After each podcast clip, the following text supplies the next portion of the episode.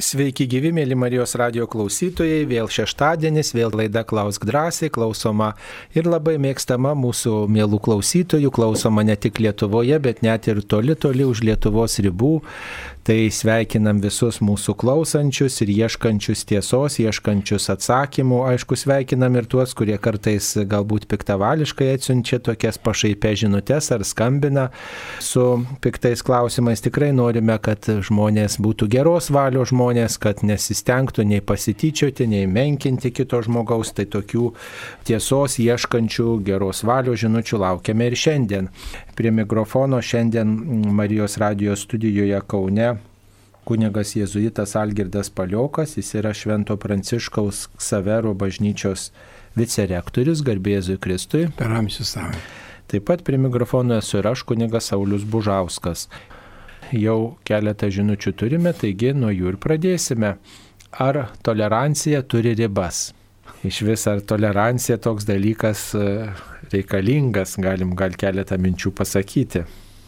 Tai tolerancija, aišku, savaime turi ribas, nes niekada mesgi nesam vienas pasaulyje, kai, e, reiškia, galima toleruoti visus ir e, tos teisės žmogaus susi, susikerta su kitai, kitų žmonių teisėmis.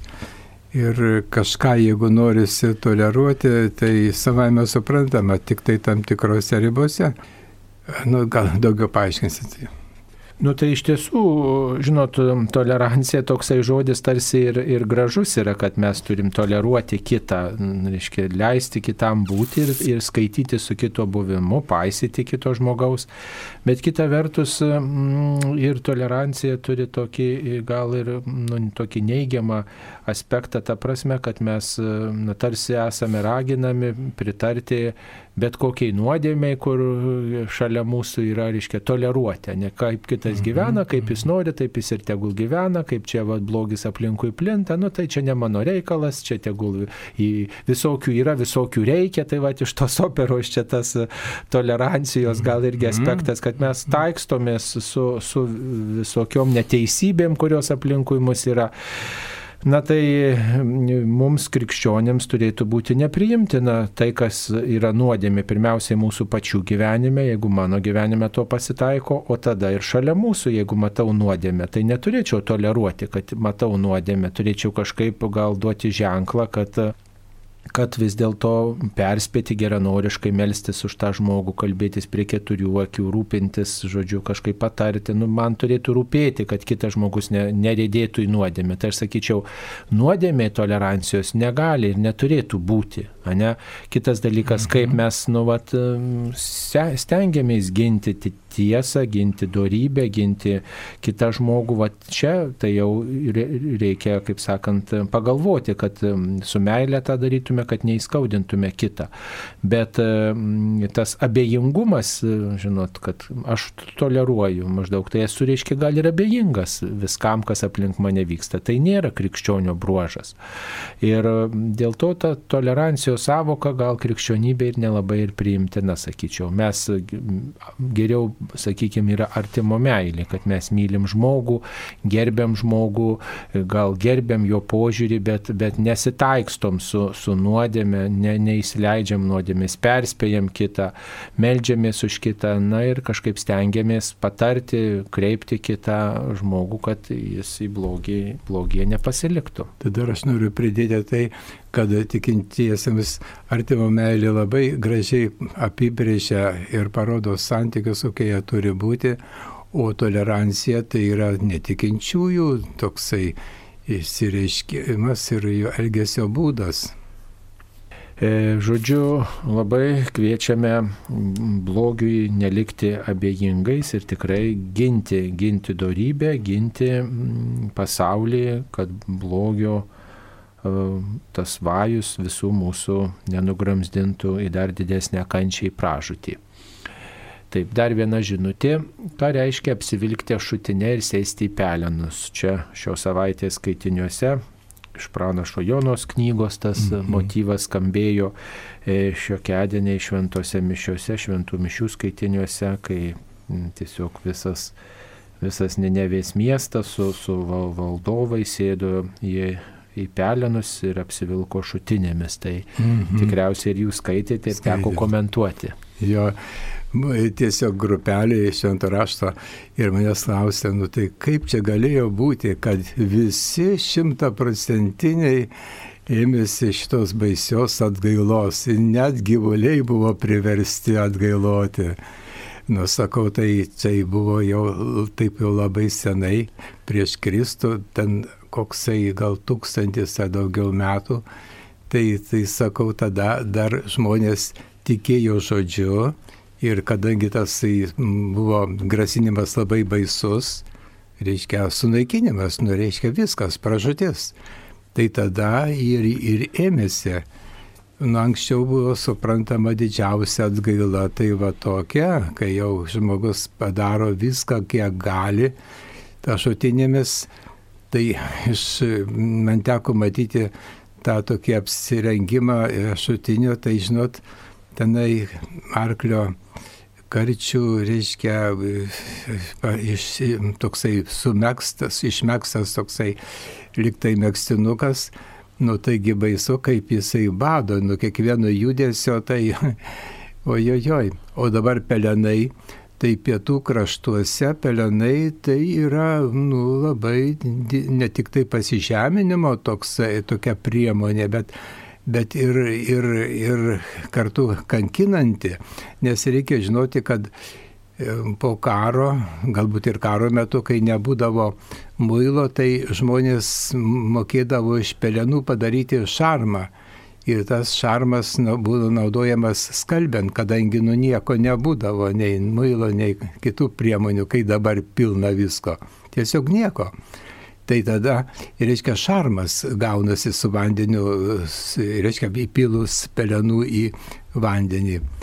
Na tai tada reiškia, jeigu tu pietų krašte, ten, ten kur būna pavėsiai 45, tai prakaituoja kūnas ir dabar tas tie pelenai. Šarmas, tai jau koks senai džiaugsmas sėdėti tuose pelenuose, tai ojojoj. Tai va, todėl reikia suprasti, kad Dievas ir pasigairėjo, nes visi ėmėsi tos atgailos Ir, ir prašau, kai reiškia Dievas ne, nesiuntė tos bausmės, kurią buvo grasinės, nors tai buvo kaip pagonių miestas. Yra, ir keista, kad taip, taip viskas įvyko ir, reiškia, paklausė žydo, kuris išpažįsta monoteistinę religiją, vieną Dievą. Ir va, taip Dievas elgesi. Na, gal pridėsiu. Na taip, pelenai tai yra tai, kas lieka sudegus tam tikrai medžiagai ir ne, tai praktiškai nieko, dulkiais lieka. Ir tas barstimasis pelenais tai ir yra tas išpažinimas toksai, kad aš esu niekas, aš esu dulkė, aš neturiu kuo didžiuotis, iš manęs nieko neliko. Viskas, kas dariau, yra niekai, Vat kaip ir ugnis sudegino ir nieko neliko iš to, iš to medžio ar iš kažko kito. Ir, žodžiu, ir žmogus barstydamasis savo galvą pelenais pripažįsta, kad visi mano darbai niekam verti, kad ką aš dariau, nu tikrai jie, jie net laiko bet, kokio, bet kokios kritikos, bet kokio išbandymo, tai yra labai menka, tai vad nieko iš manęs nelieka. Ir, ir tai yra tam tikras nuolankumo ženklas, kad aš nes, nepasikliauju nei savim, nei savo pasiekimais, nei savo darbais, nei savo profesijom, nei savo, savo žinojimu, nei dar kažko, bet, bet vis, vis, visą ko tikiuosi vien iš Dievo, nes esu niekas prieš jį, nes jis yra galingas galingas, o aš esu menkas ir, ir bet koks štai pūstelėjimas gali mane sunaikinti.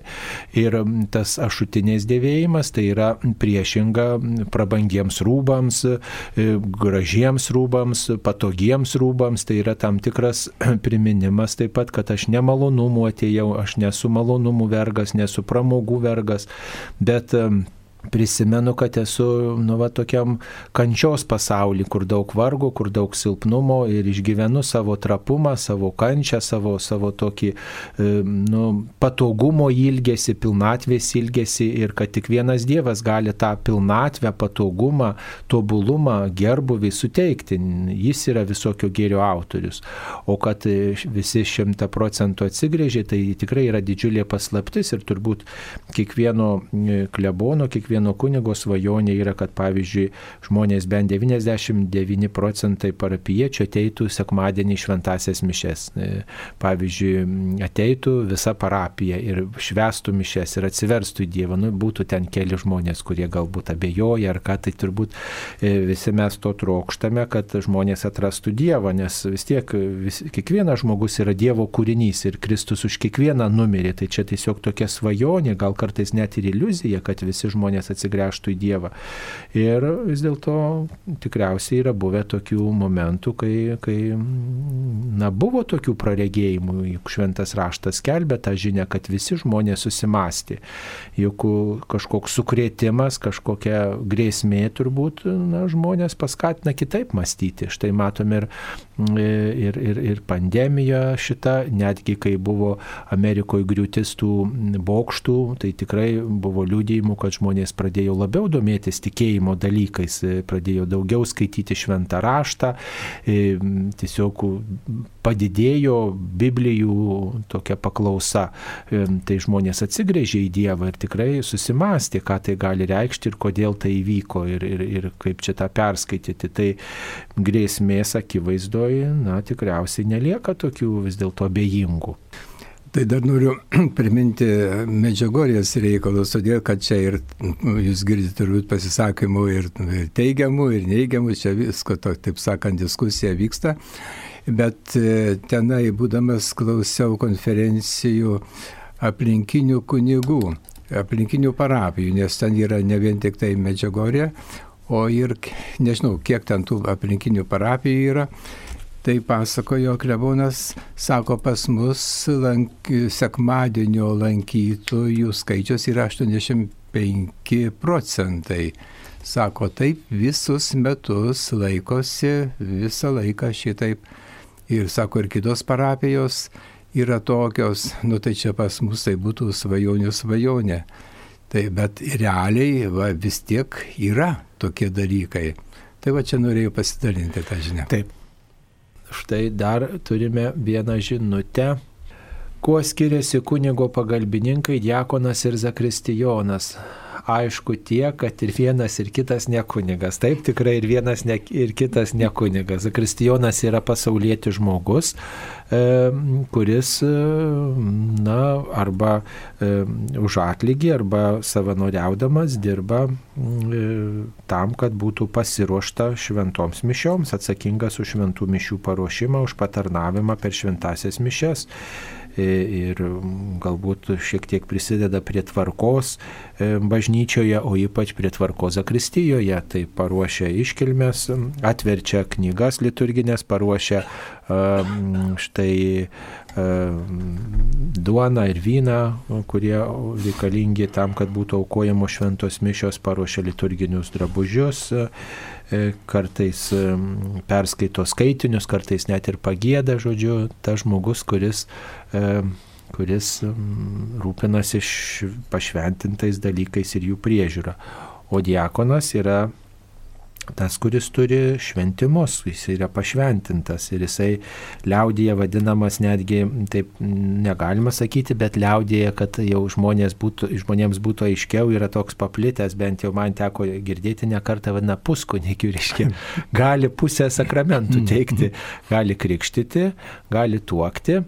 Va, gali dalinti šventąją komuniją, laidoja žmonės, žodžiu, tai e, neaukoja šventų mišių. E, pamokslus sako. Taip, bet sako, pamokslus gali sakyti, tiesiog yra leidžiama bažnyčios nuostatose sakyti pamokslus. Tai štai atlieka beveik pusę kunigo funkcijų. Pavyzdžiui, didį penktadienį, tai jisai galėtų net ir vadovauti visoms pamaldoms nuo pradžios iki pabaigos. Reiškia, ir taip kai kuriuose parapijose ir yra, kur trūksta kunigų, ten važiuoja diakonas ir kuris visas pamaldas tiesiog visoms pamaldoms vadovauja, nes ten yra žodžio liturgija, jisai gali ją atlikti, yra kryžiaus pagerbimo pamaldos, jis jas irgi gali atlikti ir taip pat yra ta visuotinė malda ir taip pat komunijos padalinimas, komunijos, kuri konsekruota buvo didį ketvirtadienį. Tai, tai tiesiog kunigo tenai, nu, kaip sakyti, nu, taip labai ir nereikia. Jeigu yra diakonas, jis gali ir atlikti. Bet, bet, bet paprastai diakonas dažniausiai būna tokiuose didesnėse parapijose ir jo užduotis ypatingai rūpintis vargšais ir patarnauti prie stalų nuo biblinių laikų. Tai jisai už žodžio tarnystę atsakingas ir taip pat už tą rūpestį vargšais. Tai yra Lietuvoje vedę diakonai, kurie štai šeimas turi ir šeimos neprieštarauja, kad jie tą tarnystę atliktų. E, tai prie kai kurių bažnyčių tie vedę diakonai patarnauja ir skelbia žodį ir, ir, ir kai kuriuos sakramentus teikia, bet kartu dirba pasaulietinius darbus. Bet taip pat yra ir tie diakonai, kurie siekia kunigystės. E, tai jie nevedę. Nevedę, jie būna diakonais, pavyzdžiui, metus arba pusę metų, taip kaip yra numatyta. Paskambino geniai iš Alitaus. Taip, genutė, klauskite. Aš norėjau jūsų paklausti. Taip ką jūs žinote apie Mariją Margaritą Alekok ir tėvą Mateo ir naktinę adoraciją. Taip. Nu tai Margarita Marija Lakok yra žinoma kaip Jėzaus širdies apaštalė jinai, e, reiškia, išplatinus tą mm, Jėzaus širdies kultą, pirmųjų mėnesių penktadienių pamaldumą ir E, tiesiog tai yra išplitę po visą pasaulį. E, tai žodžiu, mintis tokia yra, kad e, štai jinai turėjo tam tikrų Jėzaus artumo patirčių ir, ir tuo metu tiesiog Jėzus jai pažadėjo, kad tie, kurie melsis pirmaisiais mėnesių penktadieniais, žodžiu, jie e, priims šventą komuniją, atliks išpažinti e, ir taip pat melsis į švenčiausią Jėzaus širdį, na, bus išvaduoti iš skaistyklos, ne, ir tą devinių mėnesių, de, devinių pirmųjų mėnesių penktadienių praktiką, jeigu puoselės, tai tikrai sulauks ypatingų dievų malonių. Ji buvo vienuolė, vizitietė, vizitiečių vienuolė. Marija Margarita Lakok tai yra taip maždaug 17 amžius, mirė 1690 metais. Na va, ir sakoma, kad, reiškia, Prancūzijoje, po to po visą pasaulį išsklido jos ta ypatinga misija Jėzaus širdies troškimai, kad visi žmonės būtų išgelbėti ir kad ta dėl, dėl žmonijos kraujuojanti širdis tikrai būtų gerbiama, kad žmonės gerbtų švenčiausią Jėzaus širdį, patį viešpatį, kuris štai parodė tokią pasiaukojančią meilę. E, na tai, kitaip sakant, tai yra tam tikra Dievo gailestingumo žinia, kuri štai nuo 17 mm, amžiaus jau yra žinoma, jau jinai yra populiarinama visame pasaulyje ir e, ir tiesiog dabar truputį, galima sakyti, transformavosi e, šventos Faustinos Kovalskos dėka, va, tai tokį kitokį pamaldumą, bet iš esmės tai Dievas skirtingais amžiais turbūt duoda per įvairius žmonės, nuolankio širdies žmonės suprasti, kad turi būti gerbiama jo širdis ir kad žmonės pasinaudotų Dievo gailestingumo vaisiais. Tai tiek trumpai apie šią šventąją, nebent kunigė, ką nors jūs pridėtumėte. Tai norisi pridėti tai, kad e, tais laikais kažkaip reikėjo pasauliui tikintiesiems suprasti dievišką įgailestingumą. Tai kaip e, Dievas sugalvojo, kaip parodyti tą gailestingumą per tą širdį, kuri myli ir kuri yra sužeista, Ir nuo to laiko buvo pradėta piešti ir platinti tie paveikslai, kur Jėzaus širdis yra matoma. Anksčiau tokių paveikslų nebūdavo. Ir dar e, jėzuitai prie šito Jėzaus širdies pamaldumo platinimo yra labai stipriai prisidėję. Ir tarpu karyje dar buvo toksai nu, vajus paukoti šeimas dieviškai Jėzaus širdžiai. Tai buvo išleistos ir knygutės, e, tam tikslui skirtos.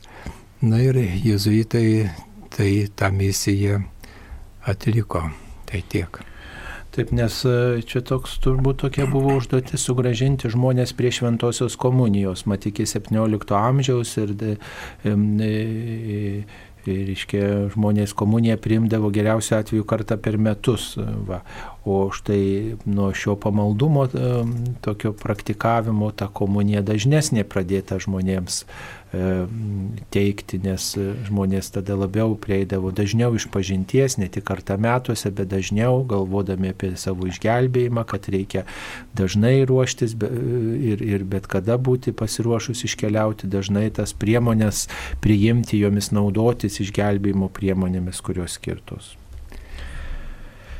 Taip, o apie Mateo rodos, tai Nieko čia reikėtų daugiau kažką tiksliau suformuluoti apie ką, ką tai, tai turbūt yra lietuviškai matas, bet nelabai galėtume tiksliai kažką pasakyti. Mums paskambino. Laima iš Alitaus. Taip. Laima, klauskite. Labas rytas. Labas Norėjau rytas. paklausti dėl vakarykštės Evangelijos. Visiškai man aišku sakinys čia apie netyrąją dvasę kad išėjusi iš žmogaus klaidžioja be vandenėse vietose, ieškodama poilsio. Neradusi, jis sako savo, grįšiu į savo namus, iš kur išėjau. Sugryžusi randa juos iššluotus ir išpuoštus. Tada eina, pasima kitas septynes dvasias, dar piktesnės už save ir įėjusios jos ten apsigyvena. Ir paskui tam žmogui darosi blogiau negu pirma ir man visiškai neaiški vieta sugrįžusi randa juos iššluotus ir išpuoštus. Tai sakyčiau, kad, nu, vat, žmogus ėjo gal išpažinties, pasitaisė ir taip toliau. Kaip čia yra, kaip iš tikrųjų reikėtų suprasti tą vietą. Ačiū Jums. Nu, tai suprasti labai paprastai, žinot, jeigu, pavyzdžiui, žmogus priejo iš pažinties ir, ir toliau, reiškia, nieko nesistengia daryti, kad, kad nekartotų tų nuodėmių, jis tiesiog jis tiesiog yra išlaisvintas, pasipuošęs, džiaugiasi, bet, bet nuo vėl atpuola į tas nuodėmės, tai, tai tiesiog, žinot, dar žemiau krenta, juk um, dar daugiau tų nuodėmių, ne, ir tiesiog paniekina patį Dievo gailestingumą, mintis ta, kad tos nuodėmės dar um, jos tarsi noriau prikimba prie to žmogaus, kuris kuris štai jas nusikratė, bet, bet, bet vėl jas atsigrėžė. Mhm. Jisai tiesiog, na, kaip švarų, žinot, švarų rūbą, tu tiesiog vėl įmeti į purvą, tai jis dar tampa purvinesnis negu kad buvo, nes e, kiek jau ten buvo to purvo buvo, bet reiškia jis plaunamas, bet paskui jeigu nesistengiu to rūbo tausoti, tai jis nu, greičiau net ir išsipurvina, tai, taip sakoma. Nu, tai var Jėzus nori tą pabrėžti, kad reikia dėti pastangas tam, kad nesikartotų blogis ir saugotis tų nuodėmių. Nu, pavyzdžiui, iš egzorcistų dažnai tenka girdėti. Mes bendraujam su egzorcistais, tai žinot, yra tokia nuostata ten, ai, mane ar ten mano artimuosius velnės apsėdo, jau čia turbūt velnio darbas. Nu tai gerai, kunigė pasimelskit, gerai kunigas meldžiasi, ten uždeda rankas, ten kalba maldas, laimina švenčiausių sakramentų ir taip toliau. A pats žmogus ne piršto nepajudina, ar pats žmogus ne, ne, lūpų nepraveria. Nu jeigu ir praveria tuo momentu valio, bet paskui sako kunigas, gerai, eik iš pažinties dabar, eik sakramentų, švesk komuniją, švesk mišes, neapsileisk, saugokis to priklauso to įpročio ar čia tų aplinkybių, kurios čia tave į šitą atvedė. Aš žmogus išklausė, palingavo galvą, bet nei bažnyčioje lanko, nei meldžiasi. Tai va ir yra jums, kad tarsi pasipošė vat, nuo kunigo maldos, nuo kunigo kaip Dievo tarno maldos, kaip, kaip to, kuris patį Kristų jam dovanoja, bet paskui pats žmogus toliau e, na, tų išluotų namų neužpildo Dievo malonę. Matot, žmogaus sieloje kaip ir gamtoje, kaip ir laukuose. Nėra tuštumos. Arba auga ten e, mūsų pasėti augalai ir jie turi būti prižiūrimi, arba auga ten nežinia kas, visokio, visokios pikdžiolės kur, kur, ir kurias vėjas prisėja, paukščiai prisėja ir panašiai. Taip ir mūsų sielo. Jeigu mes Dievu neužpildom savo gyvenimo, dorybėm, nesiekiam gerų dalykų, tai auga visokios įdos, abejingumas, tinginystė, kas tik nori. Ir tada lengvai mes prilimpam prie visokio blogio. Va.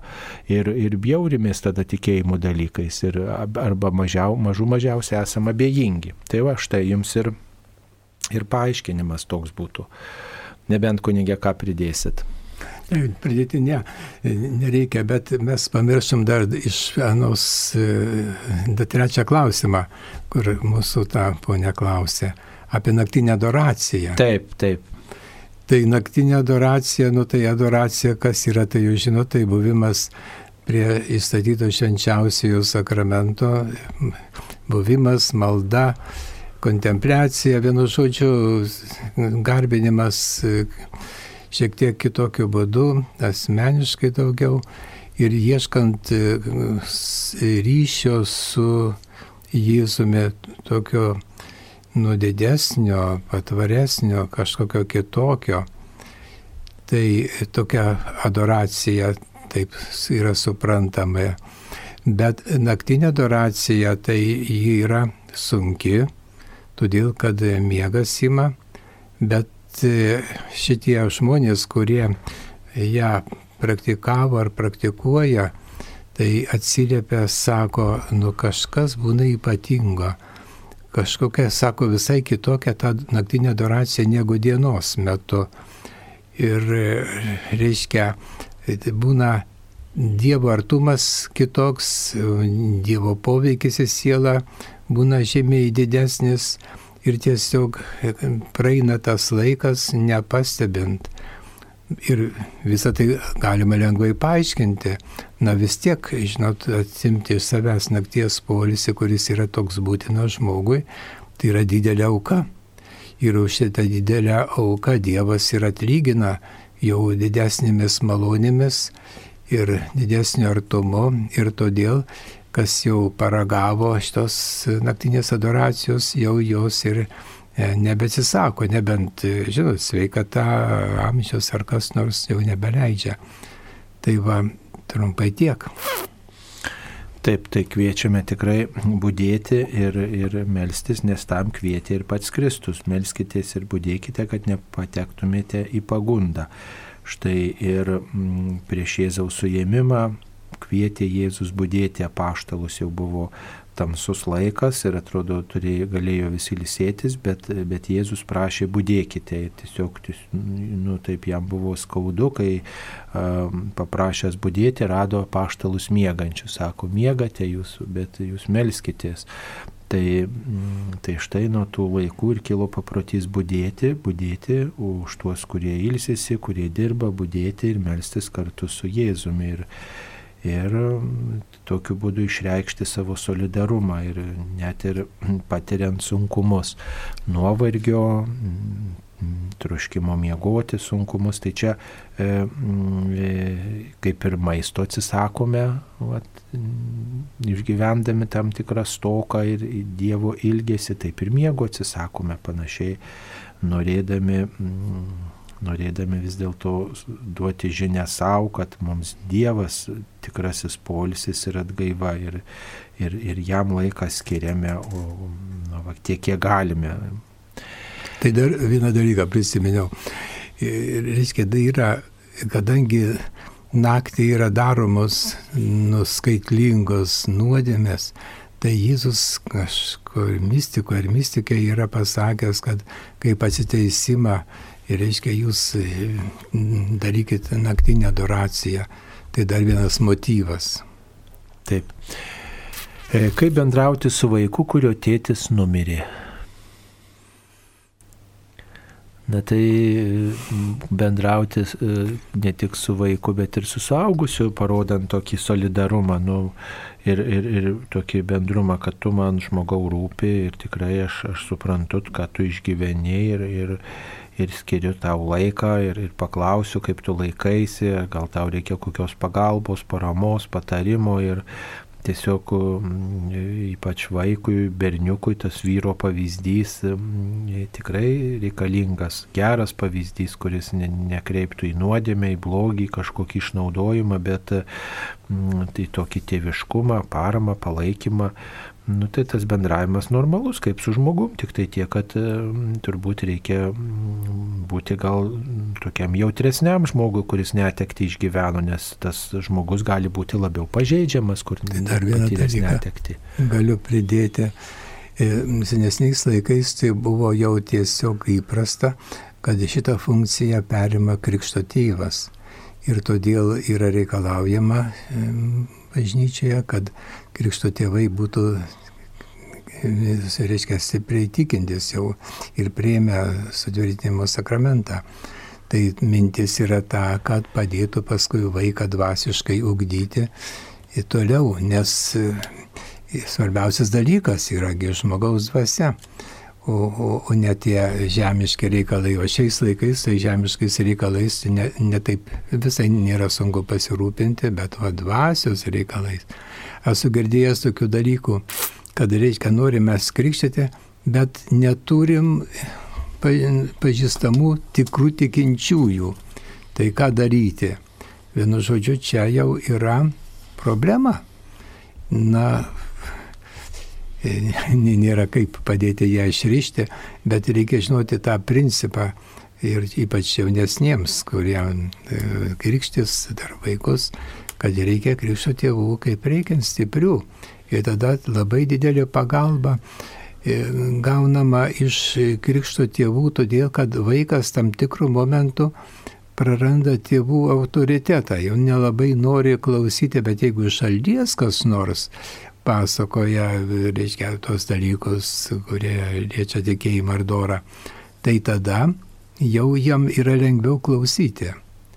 Tai va, čia toksai psichologinis dalykas yra, nuo jo reikia pasinaudoti ir va, šitaip jam padėti yra tikrai galima, tik tai ne kiekvienas žmogus gali jam padėti. Taip, kas yra būti vaiku, kad patekčiau į dangaus karalystę? Juk vaikas gali būti ir kūdikis, ir mažas vaikas, jau paaugęs, paauglys, juk visose etapuose skiriasi santykis su tėvais. Dievo palaimos jums.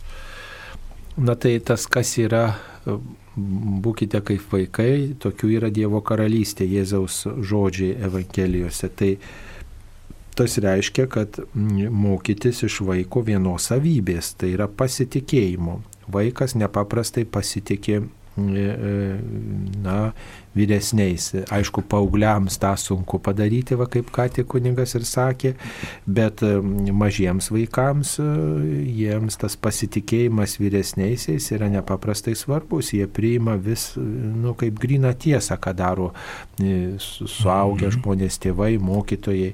Aišku, paauglystė ateina tas, na, toks perkainojamas visų vertybių, tiesiog naujai vertinamos visos vertybės. Ir žmogus maištauja, yra tas, tas jau toksai sukilimas, bet tada jau žmogus ir pereina į tą tokį suaugusiojo buvimą, kai tas kritiškumas įsijungia. Suaugęs yra nepaprastai kritiškas, jis turi įvairios patirties, Bet Jėzus sakydamas būkite kaip vaikai, jisai nori pasakyti ir išreiškia tokią nuostatą, pasitikėkite Dievu taip, kaip vaikai pasitikė savo um, tėvais ir mokytojais. Tas pasitikėjimo aspektas yra svarbus. Ir vaikai tai daugmaž tie, kurie yra nu, tokie iki paauglystės, ne, jau, jau paaugysis, jis jau eina į tą suaugusiojo, taip sakant, jau tą būsena tokia įsaugusiojo amžių pereina. Tai, tai kūdikio vaiko pasitikėjimas yra pavyzdys Jėzui. Taip mes mhm. šitą vietą suprantame. Tai dar noriu pridėti, kad e, Jėzus, duodama šitą pavyzdį, norėjo, kad tėvai nu, ir, ir kiti mokytųsi iš vaiko. Nes tai toksai realus pavyzdys e, gyvenime čia ir dabar, kuris parodo, kas, kokia, kokioj dvasioje yra vaikas. Ir tas pasitikėjimas, žinoma, ir meilė yra pas vaiką tokiame laipsnėje, kad e, reguliuoja jo visą būti. Ir taip kas šitą dalyką įvertina ir to laikosi, kartais atsitinka taip, kad žmogus gali būti jau ir pagyvenęs, bet jaučiasi, kad jame yra vaiko dvasia. Yra tai žinoma retenybė, bet yra, yra buvę ir tekę sutikti tokius žmonės. Ir tiesiog malonu su jie, tokiu žmogum bendrauti, nes jisai labai gerai e, supranta ir priima. Reiškia, kaip vaikas priima tiesas jų nesvarstydamas.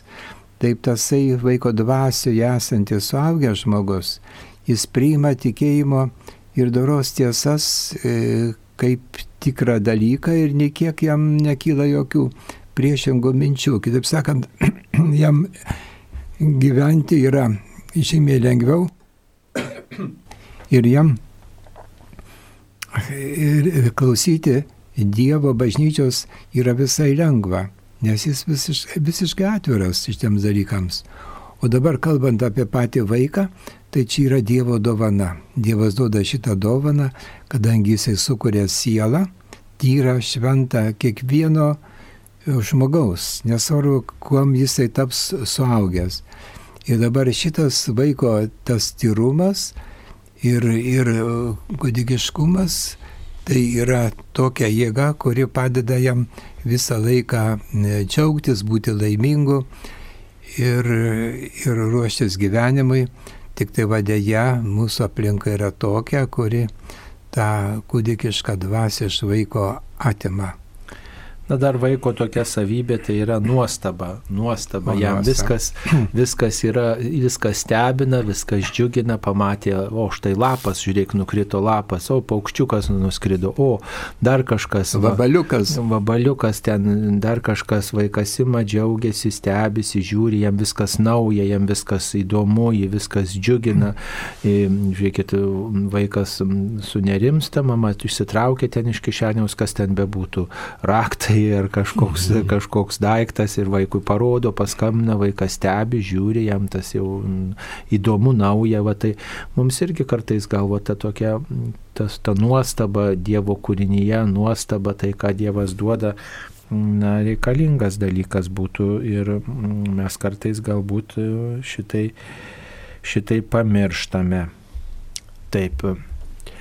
Toliau einame. Kartais Marijos rožinį paukoju Marijai ir teisingai elgiuosi. Na, Marijos rožinis yra tarsi rožių puokštė, maldų puokštė mergeliai Marijai, kurią, kurią Marija įteikė Dievui. Mes taip pagerbėme Mariją, bet iš esmės ta rožinio malda yra tokia kristologinė, nes tos maldos vidury yra Jėzus pagerbiamas, pašlovinamas Jėzus. Ir Kartu su Marija, tobulu žmogumi, mes šloviname viešpatį. Marija tiesiog arčiausiai buvo Jėzaus ir, ir mokė į svarbiausių dalykų. Ir, ir taip pat Marija užtarė mus, tai, tai mes tiesiog ją, ją kreipiamės, ją melžiamės ir su ją melžiamės ir tokiu būdu viešpatį šloviname. Ir net ir dailininkų yra tokių nutapyta paveikslų, pavyzdžiui, trakų Dievo motinos paveikslas paveikslas, ne, Lietuvos globėjos paveikslas yra labai įspūdingas šią prasme. Marija laiko e, rankose trižiedę rožę. Kodėl trižiedė? Dėl to, kad būdavo anksčiau trys rožinio dalys. Ta paskui vėliau pridėjo popiežius Jonas Paulius II jau mūsų laikais 2002 metais tą ketvirtąją dalį. E, sakytum, dar prie tos e, trižiedės rožės pridėjo dar vieną žiedą, bet anksčiau buvo trys to, tos rožinio dalys ir Marija tą trižiedę rožę teikia Jėzui reiškia, ir Jėzus tiesia rankytę į tą, į tą, į tą, į tą žiedą. Tai labai puikiai išreiškia, vat, kad Marijai mes teikiame tą maldą, o Marija, vat, žinodama mūsų rūpestį, mūsų matydama žmogišką tokį solidarumą, jinai visas maldas į Jėzų kreipia, jinai mūsų užtarė ir, ir taip Jėzų pašlovina. Na, tai labai gražiai išreiškia. Tai gerai, kad jūs melžiatės ir tik tai nepamirškit, kad Marija skirta tam, kad mus priartintų prie Jėzaus. Mūsų pamaldumas ties Marija nesustoja, bet jis krypsta į patį viešpatį. Ir panašiai dar čia rožinio malda E,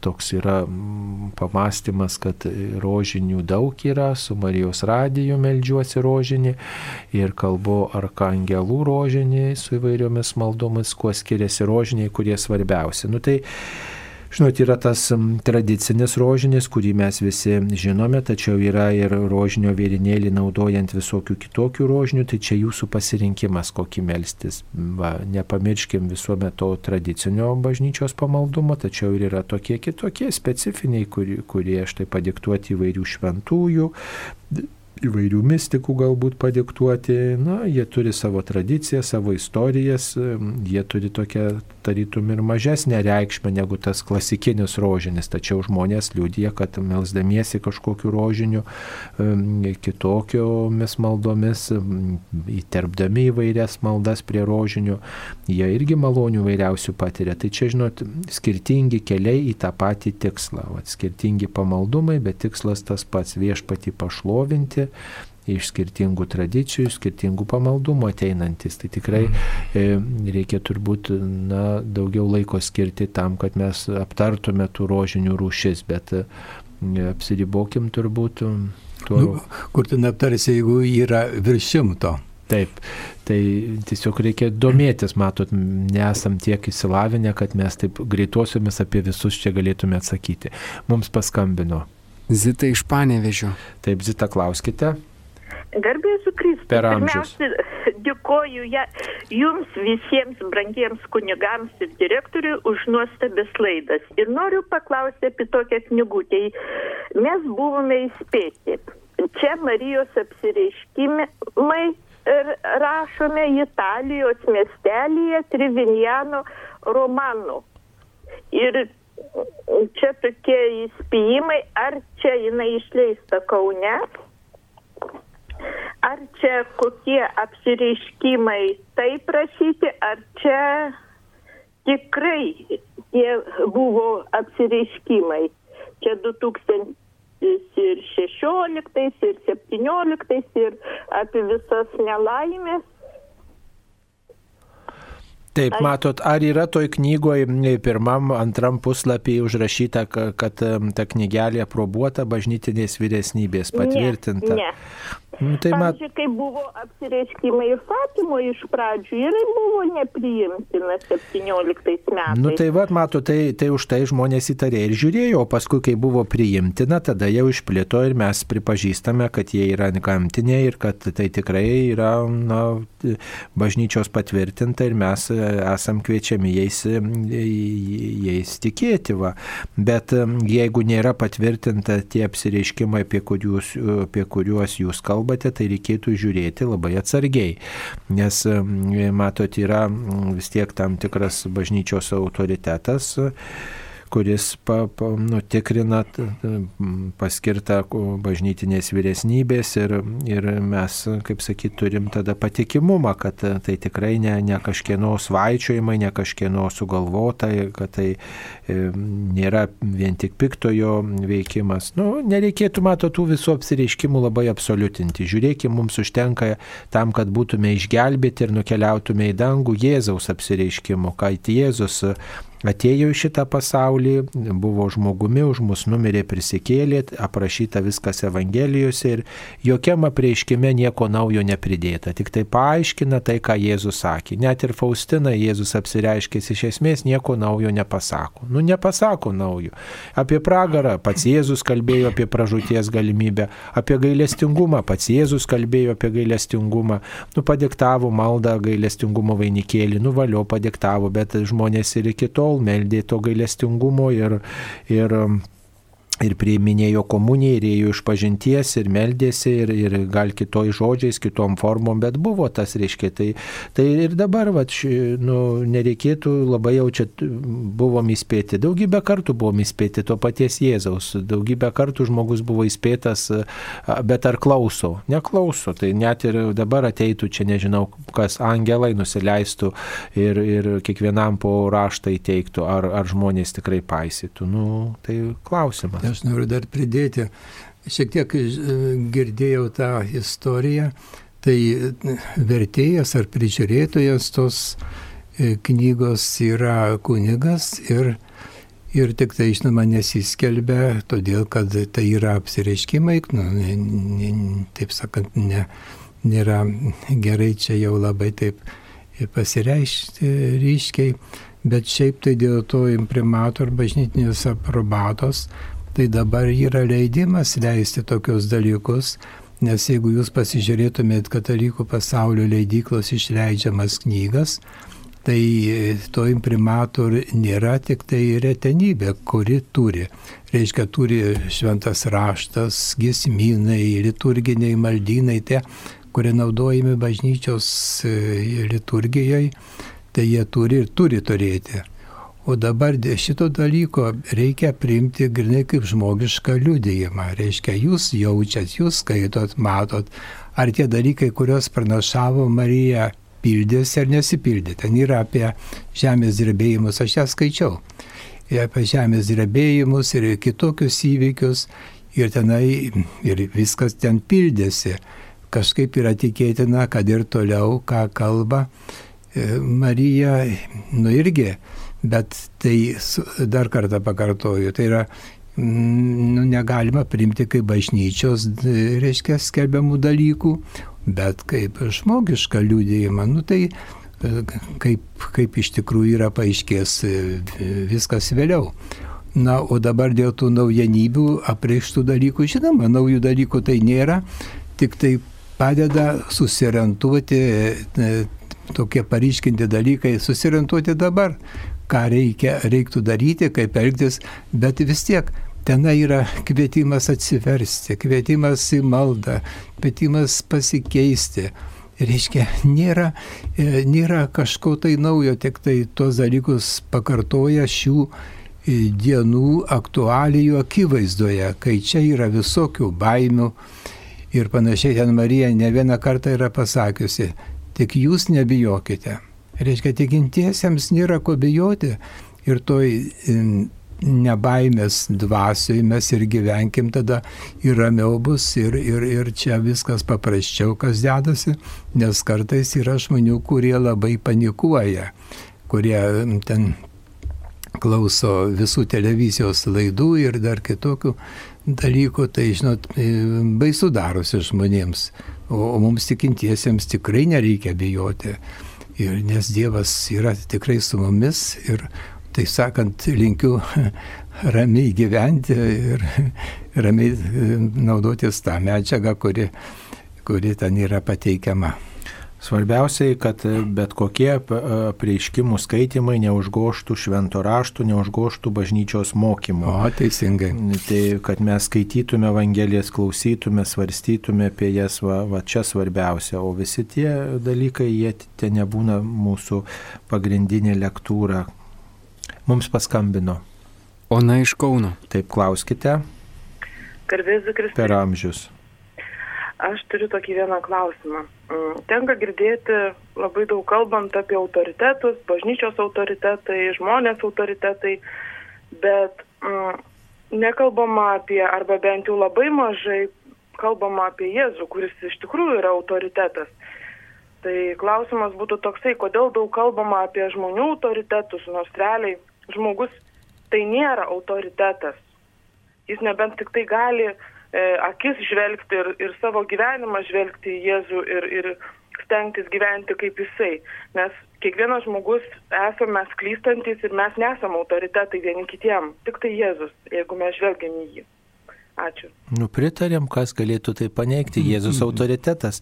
Bet matot, Jėzaus dabar taip tiesiai šviesiai nepaklausiau. Pavyzdžiui, vyskupo gali paklausti, ten kokio, kokį, kaip elgtis popiežiaus, gali paklausti ir, ir, ir klausiam, ir klausom jo komentarų, jo įžvalgų įvairiais gyvenimo klausimais, tikėjimo klausimais ir galvojam, ar čia, vat, kaip jis paaiškina Jėzaus mokymą. Tai vat, mums reikalingas tas žmogus, kuris štai paskirtas atstovauti Jėzų vat, pavyzdžiui, vyskupas, popiežius, nu, jie atstovauja Jėzų, jie yra mums net ir vadinamas Dievo vietininkas žemėje, nu, yra vis dėlto Petro įpėdinis, ne, ir Jėzus paliko Petrui, sako, tau duodu dangaus karalystės raktus, ne, mm. ir štai tai tą galę paliko ir mes remiamės, kad ta vis dėlto galia ateina nuo paties Jėzaus bažnyčios žmonėms ir, ir na, šventieji, pavyzdžiui, mums irgi gali būti autoritetas, kuris, reiškia, nu, vat, kažkokiu būdu savo laikmetį paaiškina Jėzaus mokymą, kažkokiu būdu parodo, kaip tą Jėzaus mokymą galima įgyvendinti, konkretus pavyzdys. Ne, pavyzdžiui, motina Teresė, ar nėra jums autoritetas? Nu, autoritetas parodė,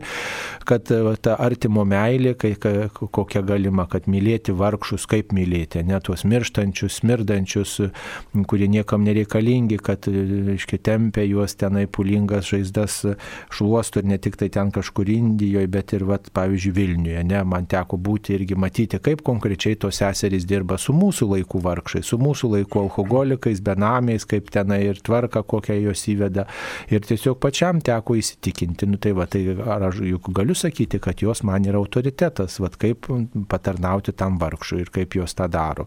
Tai va, iš to ir mok, mokomės tos Jėzaus meilės, reiškia, jos įkūnija tą Jėzaus žodį, Jėzaus pavyzdį, Jėzaus paliktą žinę mūsų laikais parodo, ne, kada Jėzus gyveno prieš jau 2000 metų, atrodo nutolę, čia gal čia tik teorija, gal ką, o jos parodo praktiškai mūsų, mūsų aplinkoje, ten, kur mes gyvenam, ten, kur mes einam, tai parodo praktiškai, tai, tai įgyvendinantis Jėzaus mokymą žmogus ir gali būti tuo autoritetu, aš tai taip suprantu. Dar, dar noriu pridėti, žinot, tiesiog praktiškai, iš, kadangi jau kunigystės 48 metai, kai dirbu šitoj tarnystėje, tai kai vedu, vesdavau rekolekcijas seserims vienuolėms, labai tinka Jėzaus autoritetas, viskas gražu, gerai jos priima.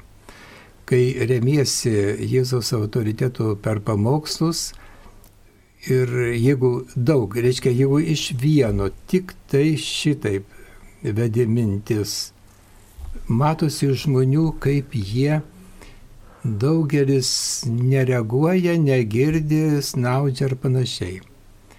Kai paimė kokį nors atsitikimą iš realybės gyvenimo, tai tada pradeda reaguoti. Nu tai va taip, žinot, praktiškai dėja tai šitaip išeina. Nu, ir matosi, kaip, reiškia, publiką reikia, nu tai, nuvesti su savo mintimis, kad čia reikia ir tokio momento. Tai va, todėl taip ir jūs pastebėjote teisingai, kad mes ne visada remiamės Jėzaus autoritetu. Taip mums paskambino. Stasė iš Šilalės. Taip, Stasė, klauskite. Gerbėjus Kristui. Per amžius. Esu jau senyvo amžiaus, pus, pus, virš, virš 80 metų. Jaunystėje aš tikrai eidavau ir einu ir eidavau visą laiką, dabar veržiuosi nors pusiau, pusiau vakla. Ir aš į bažnyčią noriu nuveikti pati kaip nors, arba, arba kad kažkas nuveda. Bet dabar čia buvo tokie pokalbiai su drauge, kam, jeigu negali, gali neiti. Reiškia, sveiki žmonės, būna, kad kam eiti į bažnyčią. Juk nėra nuodėmės, taip nėra nuodėmės, jeigu tu tyčia nenuveini, gali nuveini, bet nenuveini.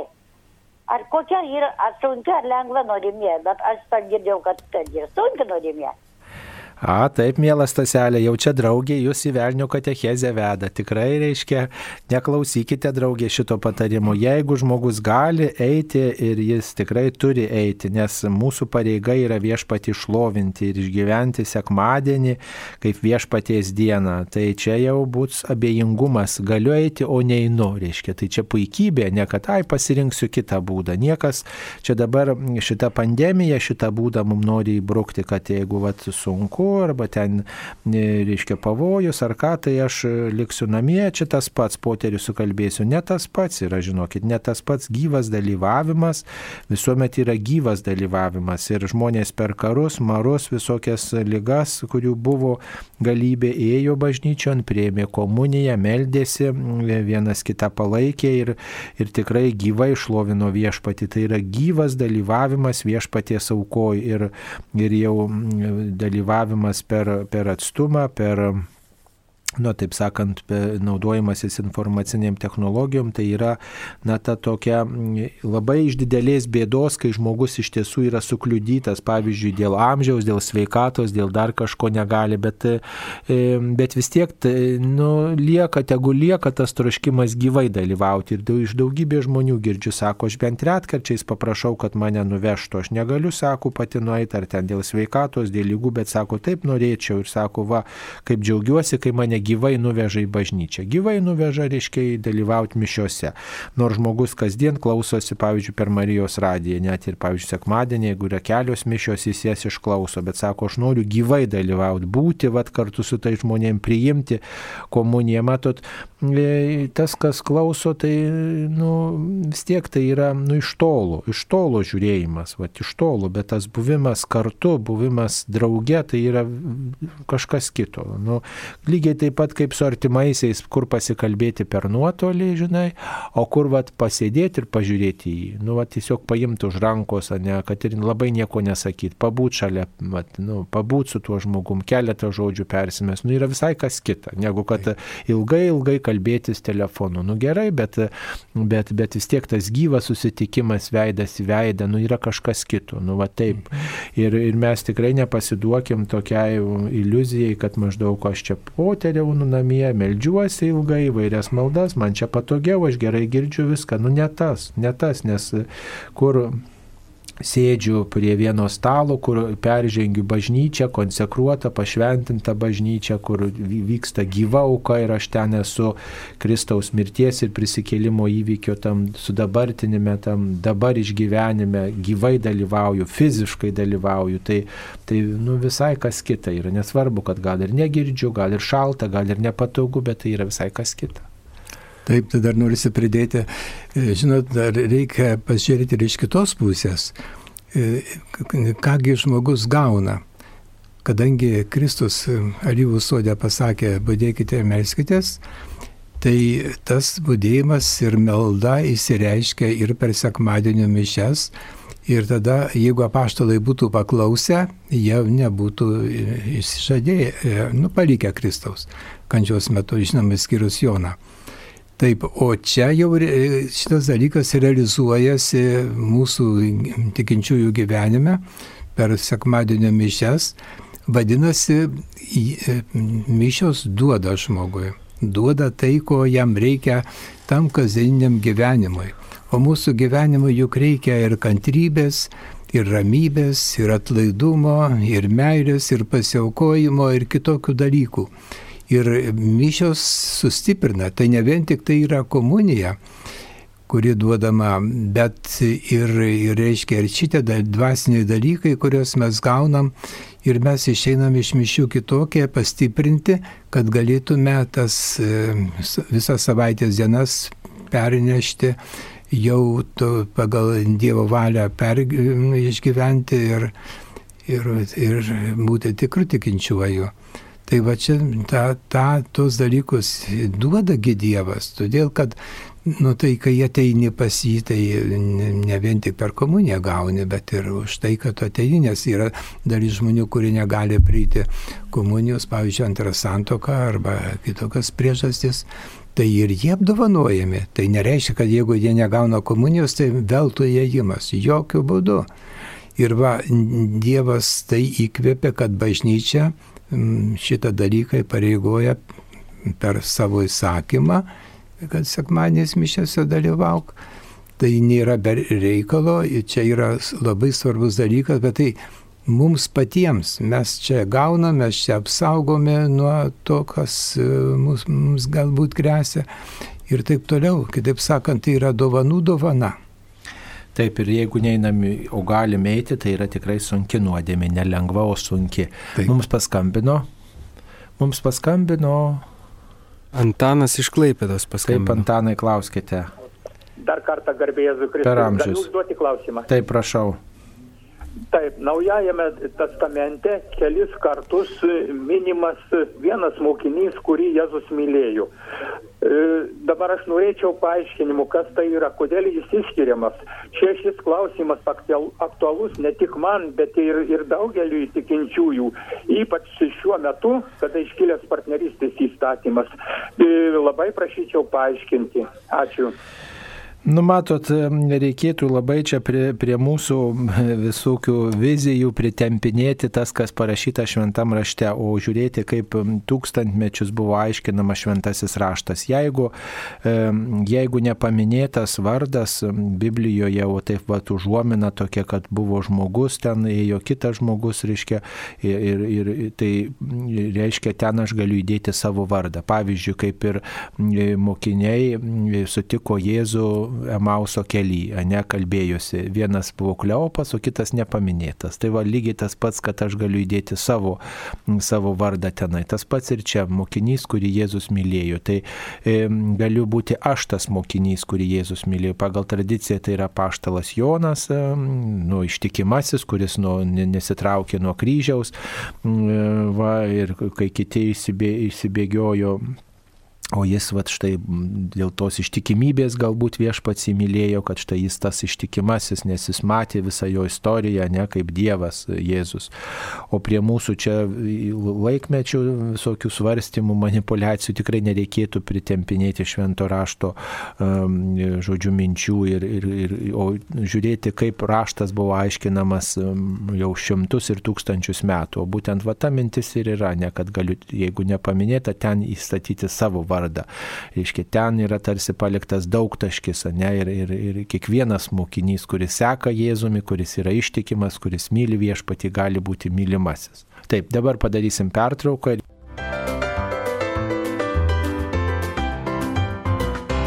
Čia Marijos radijas.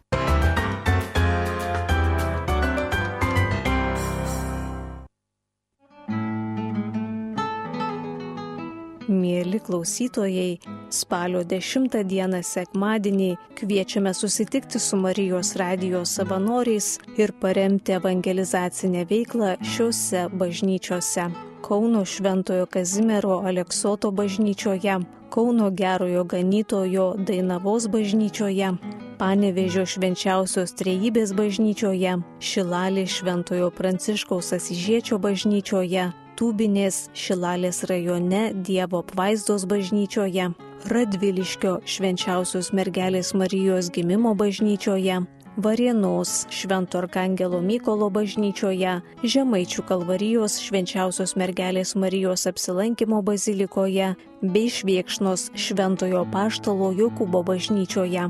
Spalio 11 dieną pirmadienį Širvintos, Širvintų rajone Švento Arkangelo Mykolo bažnyčioje, spalio 12 dieną antradienį Marijampolė Švento Arkangelo Mykolo bazilikoje, spalio 13 dieną trečiadienį Šiluvos švenčiausios mergelės Marijos gimimo bazilikoje. Savanoriai lauks jūsų bazilikos gale. Dėkojame už jūsų maldas bei aukas.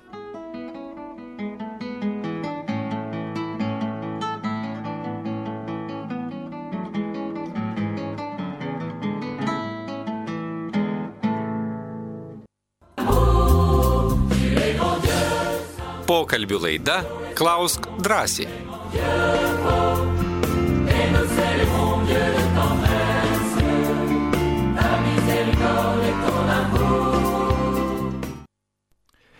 Taip, mėlyjei, tęsėme laidą. Šiandien e, laidoje dalyvauja kuningas jėzuitas Algirdas Paliokas iš Švento Pranciškaus Ksavero jėzuitų bažnyčios Kaune ir aš, kuningas Saulis Bužauskas. Kaip tik tai kalbėjom apie trakų Dievo motinos paveikslą, o čia ir žinutė sako, ką Marija laiko rankoje. Tai yra dvi uogos. Ką tai reiškia? Tai ne uogos, o rožės, ne dvi, o trys. Trižiedė rožė, taip vadinama e, ta kompozicija, kurią Marija laiko rankose. Tai reiškia tokiu būdu nutapyta ro, besiskleidžianti rožė. Tiesiog yra e, rožė ne tik tai ant vieno stiebo išauginanti vieną žiedą, bet ir daugiau žiedų. Ir va, dailininkas nutapė tris ir tai primena rožinį, rožančiaus maldą. Tris dalis, kurios buvo iki 2002 metų. Popiežius Jonas Paulius II įvedė ketvirtą dalį, dabar jeigu paveikslas tas būtų tapomas, jau reikėtų tapyti keturias. Nu tai va, keturias rožės, bet ne uogos, tai kaip jūs kad rašote. E, Taip, kokia darybė būtų atsvara pavyduliavimu ir kaip kovoti su pavydu? Nu, pavydas tai yra liudesys dėl to, dėl kito, kad kitas turi kažkokio gėrio, dėl kito gėrio tai liudesio atsvara būtų džiaugsmas, dėkingumas Dievui už tai, ką kitas žmogus turi. Kunigė. Žinot, labai paprastas toks patarimas būtų. Norint tikrai nugalėti tą pavydą, yra reikalinga dėkoti Dievui už artimui suteiktas e, talentus, e, geras savybės, sėkmę ir panašiai taip toliau. Dėkoti ir dėkoti ir dėkoti. Tiek kartų, kiek ateina pavydo mintis, tiek ją sutvarkyti arba padaryti šventą mintimį dėkojant. Ir tada, reiškia, tas jeigu tai skaitom, kad iš piktosios dvasios ateina tos pavydas, tai tada jis pasitraukia, nes nebenori e, e, garbinti Dievą per pavydą, nes pavydu jisai iššaukia Dievo garbinimą ir dėkingumą ir džiaugsmą. Tai tada, e, reiškia, žmogus laimi ir, ir laimi dar tą prasme, kad pasitraukia piktoji dvasia. Bet pavydo nugalėti tai nėra lengva, nes kartais jisai būna tarsi žmogaus prigimties dalis. Ta, ta prasme, kad paeina iš genų. Kartais būna taip, kad nebūna to pavydo, nebūna metų metais, bet jis kažkaip atsiranda. Tada jau žinoma, čia jau reiškia, piktasis veikia. Taip kad geriausia, lengviausia nugalėti tai radikaliai elgtis, dėkoti Dievui ir, ir, ir linkėti tam žmogui dar geriau, kad jam sektųsi. Tai va šitaip tik tai galima nugalėti pilnai. Taip, toliau mums e, tokia žinutė atėjo. Prašau paaiškinti, kas yra katechezė, kas yra homilija ir kuo jis skiriasi nuo pamokslo. Na, pamokslas, tai čia dažnai e, toks apibūdinimas e, to teksto, kurį kunigas pasako po Evangelijos, taip liaudiškas ar ne ir senoviškas, e, įprastas mums ir lietuviškas toksai, ne, mhm. pavadinimas to teksto, kurį kunigas kelbė skaitydamas arba laisvai kalbėdamas po pamokslo, po, po reiškia, po Evangelijos paskaitimo. Tai nebūtinai būna pririšta prie Evangelijos minties. Taip. Gali būti kokia nors tema pasirenka kunigas ir pila pamokslą. Tai dabar toliau. Taip, tai reiškia, na, nuo seno tas pamokslas, tai reiškia laisvesnio turinio tekstas, kurį nori kunigas paskelbti savo parapiečiams. O homilija jau tradiciškai susijęta labiau su šventuoju raštu. Ir dabar įprasta sakyti, kad mišiuose turėtų skambėti homilija, reiškia švento rašto komentaras arba skaitinių komentaras. Gali būti susijęs su gyvenimu, su pavyzdžiais ir panašiai. Katechezė tai yra tekstas, kuris atsietas nuo šventųjų mišių, tai jau artimesnis žanras pamokslui, bet tai yra mm, na, toksai katalikiško tikėjimo E, tiesų paaiškinimas, sakramentų paaiškinimas, nu tiesiog katalikiško mokymo aiškinimas, tiesiog tam tikrų aspektų, reiškia, ir katechezė paprastai gali atlikti ir pasauliečiai, pasauliečiai, kurie siunčiami vyresnybės, o e, homiliją ir pamokslus paprastai sako tik šventimus turintys asmenys, tai yra diakonas, kunigas, vyskupas arba popiežius, o katechezės e, gali atlikti ir katechetai, tai yra pasauliečiai, kurie E, na, siunčiami bažnytinės vyresnybės. Mums paskambino. Genovaitė iš Pasvalio rajono. Taip, Genovaitė, klauskite jūs eteryje. Garbėjai Žukrius. Per amžius. Nu, aš norėčiau kunigėlė čia paklausti dėl pirmųjų mėnesių penktadienių. Nu, aš anksčiau, kaip kol dar galėjau, dabar jau man 82 metai, nu, ir dabar aš į bažnyčią nebenueinu. Nu, ir aš kaip kol galėjau, visada į penktadienius, iš pirmosius, iš šeštadienius visada lankydavau ir, ir visą laiką, ir dabar melžiuosi visą laiką, po kiekvieną dieną per jūsų, per Marijos radiją, o sekmadieniais per televizorių. Ir dabar pas mum kalendavoja kunigėlis ir Ir dabar man, pas mus yra tokia tradicija, kad reiškia penktadienis pirmaisiais veža pas ligonius komuniją. Ir dabar man užrašė, dabar, nu, ten galima ir išpažinti atlikti, ir komuniją tą padalina. Ar man bus tas pats, kaip kada lankydavo bažnyčią, ar čia ta, ta intencija, kur aš melsdavau, ar, ar čia ne tas pats? Tas pats, tas pats bus mėlo. Jeigu jūs negalite dalyvauti, reiškia fiziškai negali dėl sveikatos, bet kunigas jūs aplankys, atneš švenčiausiai sakramentą, jūs turėsite galimybę atlikti išpažinti, sukalbėsite švenčiausios Jėzaus širdies litaniją, prašysite Jėzaus pagalbos, dar papildomą maldą, kuri kalbama pirmaisiais mėnesių penktadieniais, tą pasiaukoju. Taip, atsiteisimo maldą, tai bus ta, ta, ta pati malonė jums duota. Tai ačiū Jums už rūpestį. Na, apie dangų skaistyklą ir pragarą dažnai pasitaikantis klausimas, ar tai yra vieta, ar tik būsena po mirties. Aišku, kad čia yra būsena. Apie vietą tai sunku kalbėti, todėl kad dvasinėme pasaulyje yra tiek daug kas kitaip, kad mes ten negalime įsivaizduoti, kaip ten viskas yra ir kiek mūsų bažnyčios mokymas kalba tai apie tą būseną. Nu ir, žinot, tai svarbiausias dalykas, kaip, reiškia, mes žemėje turime laimės būseną, meilės būseną, pasisekimų, džiaugsmų, visokių būsenų. Tai čia mes galime įsivaizduoti, kas ten mūsų laukia vienoje ir kitoje vietoje. Tai tiek trumpai.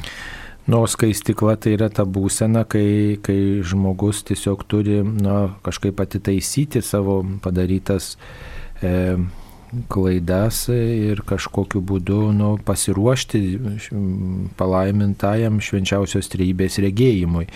Ir tai kilia iš švento rašto žodžio, ne kad kažkas įsigelbės, bet tarsi per ugnį tam tikrą mhm. nuskaistinimą, ne kaip ugnis išgrynina, nuskaistina, sudegina kas trapu ir lieka tai, kas, kas nedega, kas, kas atlaiko bet kokį išbandymą, taip ir na, tas skaistyklos kaip ugnies įvaizdis reikalingas tiesiog, nes mes netobuli esam ir netobuli iškeliaujam iš šito pasaulio, tai Dievas kažkokiu būdu mus, mus apvalo ir mes ne vienas ten nebuvom, neturim tos patirties, bet tai yra apvalymo patyrimas toksai, kuris na, reikalingas tam, kad galėtume šventi ir tobulį stoti Dievo akivaizdon. Tai dabar jau reikia, kaip sakyti, tam stojimui Dievo akivaizdoj ruoštis, ne, ir, ir kuo žmogus tobuliau, kuo švenčiau gyvena, kitaip sakant, kuo labiau renkasi darybę, kuo labiau renkasi tikėjimo ir maldos gyvenimą ir atmeta bet kokią nuodėmę,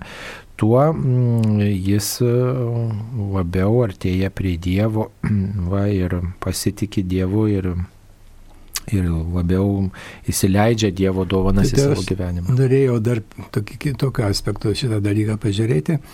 Tai būtent iš kurgi atsiranda tos skaistyklos bausmės. E, vienas aiškinimas tai yra toks, kad nuodėmės tai kunigas atleidžia, bet lieka bausmės. Ir tos bausmės e, tiek žemėje, tiek skaistykloje nu, priklauso atlikti nes niekas, kas nėra šventa, kas ne, nėra tyra, ne, neeis į dangaus karalystę. Tai va, todėl ir tenka dalį atkentėti žemėje, dalį tenai. Tai, tai va, dar, dar viena tokia labai svarbi priežastis, kodėl skaistykla yra e, reikalinga. Taip, e, dar vienas klausimas. Ar galima aukoti šventąją komuniją užmirusi? Vieni kunigai skatina, kiti sako, kad jis jau pas viešpati, kad negalim už kitą nei pavalgyti ir komunijos priimti, o galima komuniją priimti kaip dovana man. na, panašiai, kaip čia mes galėtume atsakyti. Taigi čia yra labai paprastas dalykas, kadangi skaistykloje žmonės savo padėti negali, čia galime tik tai mes iš žemės. Ir reiškia, skaistyklos e, sielos gali už mus melstis. Ir mums e, Dievas per jų maldą suteikia ir mums didelę pagalbą. Bet padėti tai galime tik mes. Ir dabar tai, kas turi vertę amžinybei, reiškia Dievo akise, tai visa tai tinka aukoti už sielas skaistykloje.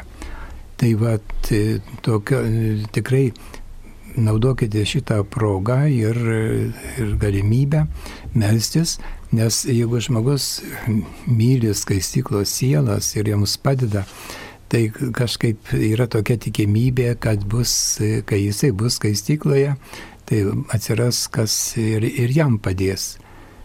Tai va, tai Tai geriausias atvejas yra viską padaryti, ką jūs manot, ką Dievas įkvepia, už skaistyklos sielas, kad joms padėti. Taip, tai mal, komunijos prieimimas tai nereiškia, kad aš už jį pavalgau, tai yra tobulas susivienimo su Dievu būdas, kuriame aš prisimenu tame toj maldoje ir savo mirusius artimuosius į tą meilės ryšį kviečiu. Tai tiesiog žmonės gal populiariai pasako, prieimiau komuniją už tą mirusį, bet tai nereiškia, kad aš už jį pavalgiau, tai tiesiog būdas pasakyti, kad aš už jį meldžiausi, už tą žmogų. Taip. Va taip gal reikėtų mums suprasti šitą mintį, bet už kitą, žinoma, nepavalgysi. Bet mes mylim mylim Dievą, mylim mirusius ir va į tą meilę trokštam visus um, pakviesti, tos, toj meiliai būti. Taip, dar viena žinutė. Daug labai vaikų serga, ilgai kenčia. Ar vaikai skelbiami šventaisiais? Taip, vaikai skelbiami šventaisiais. Neseniai ir popiežius Pranciškus paskelbė tris, atrodo, vaikus šventaisiais, kurie gyveno berot 16 amžiui Meksikoje.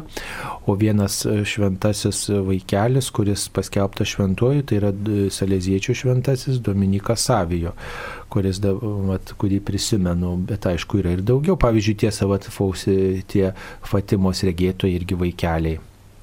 Mirė, reiškia, irgi paskelbti šventaisiais vaikeliai mirė.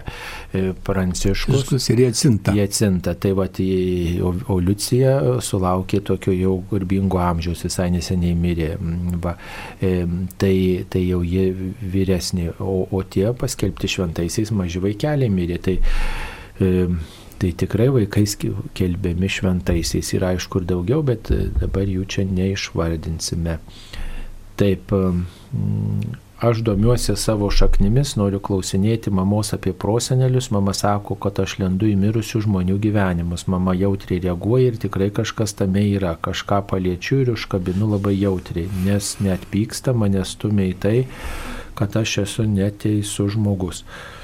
Taip, tai domėti savo šeimos istoriją tikrai yra įdomu, bet būkit pasirengus atrasti ne tik tai malonių dalykų, galbūt buvo ir tikrai tokių nu, baisių dalykų, į kuriuos buvo įsivėlę mūsų protėviai.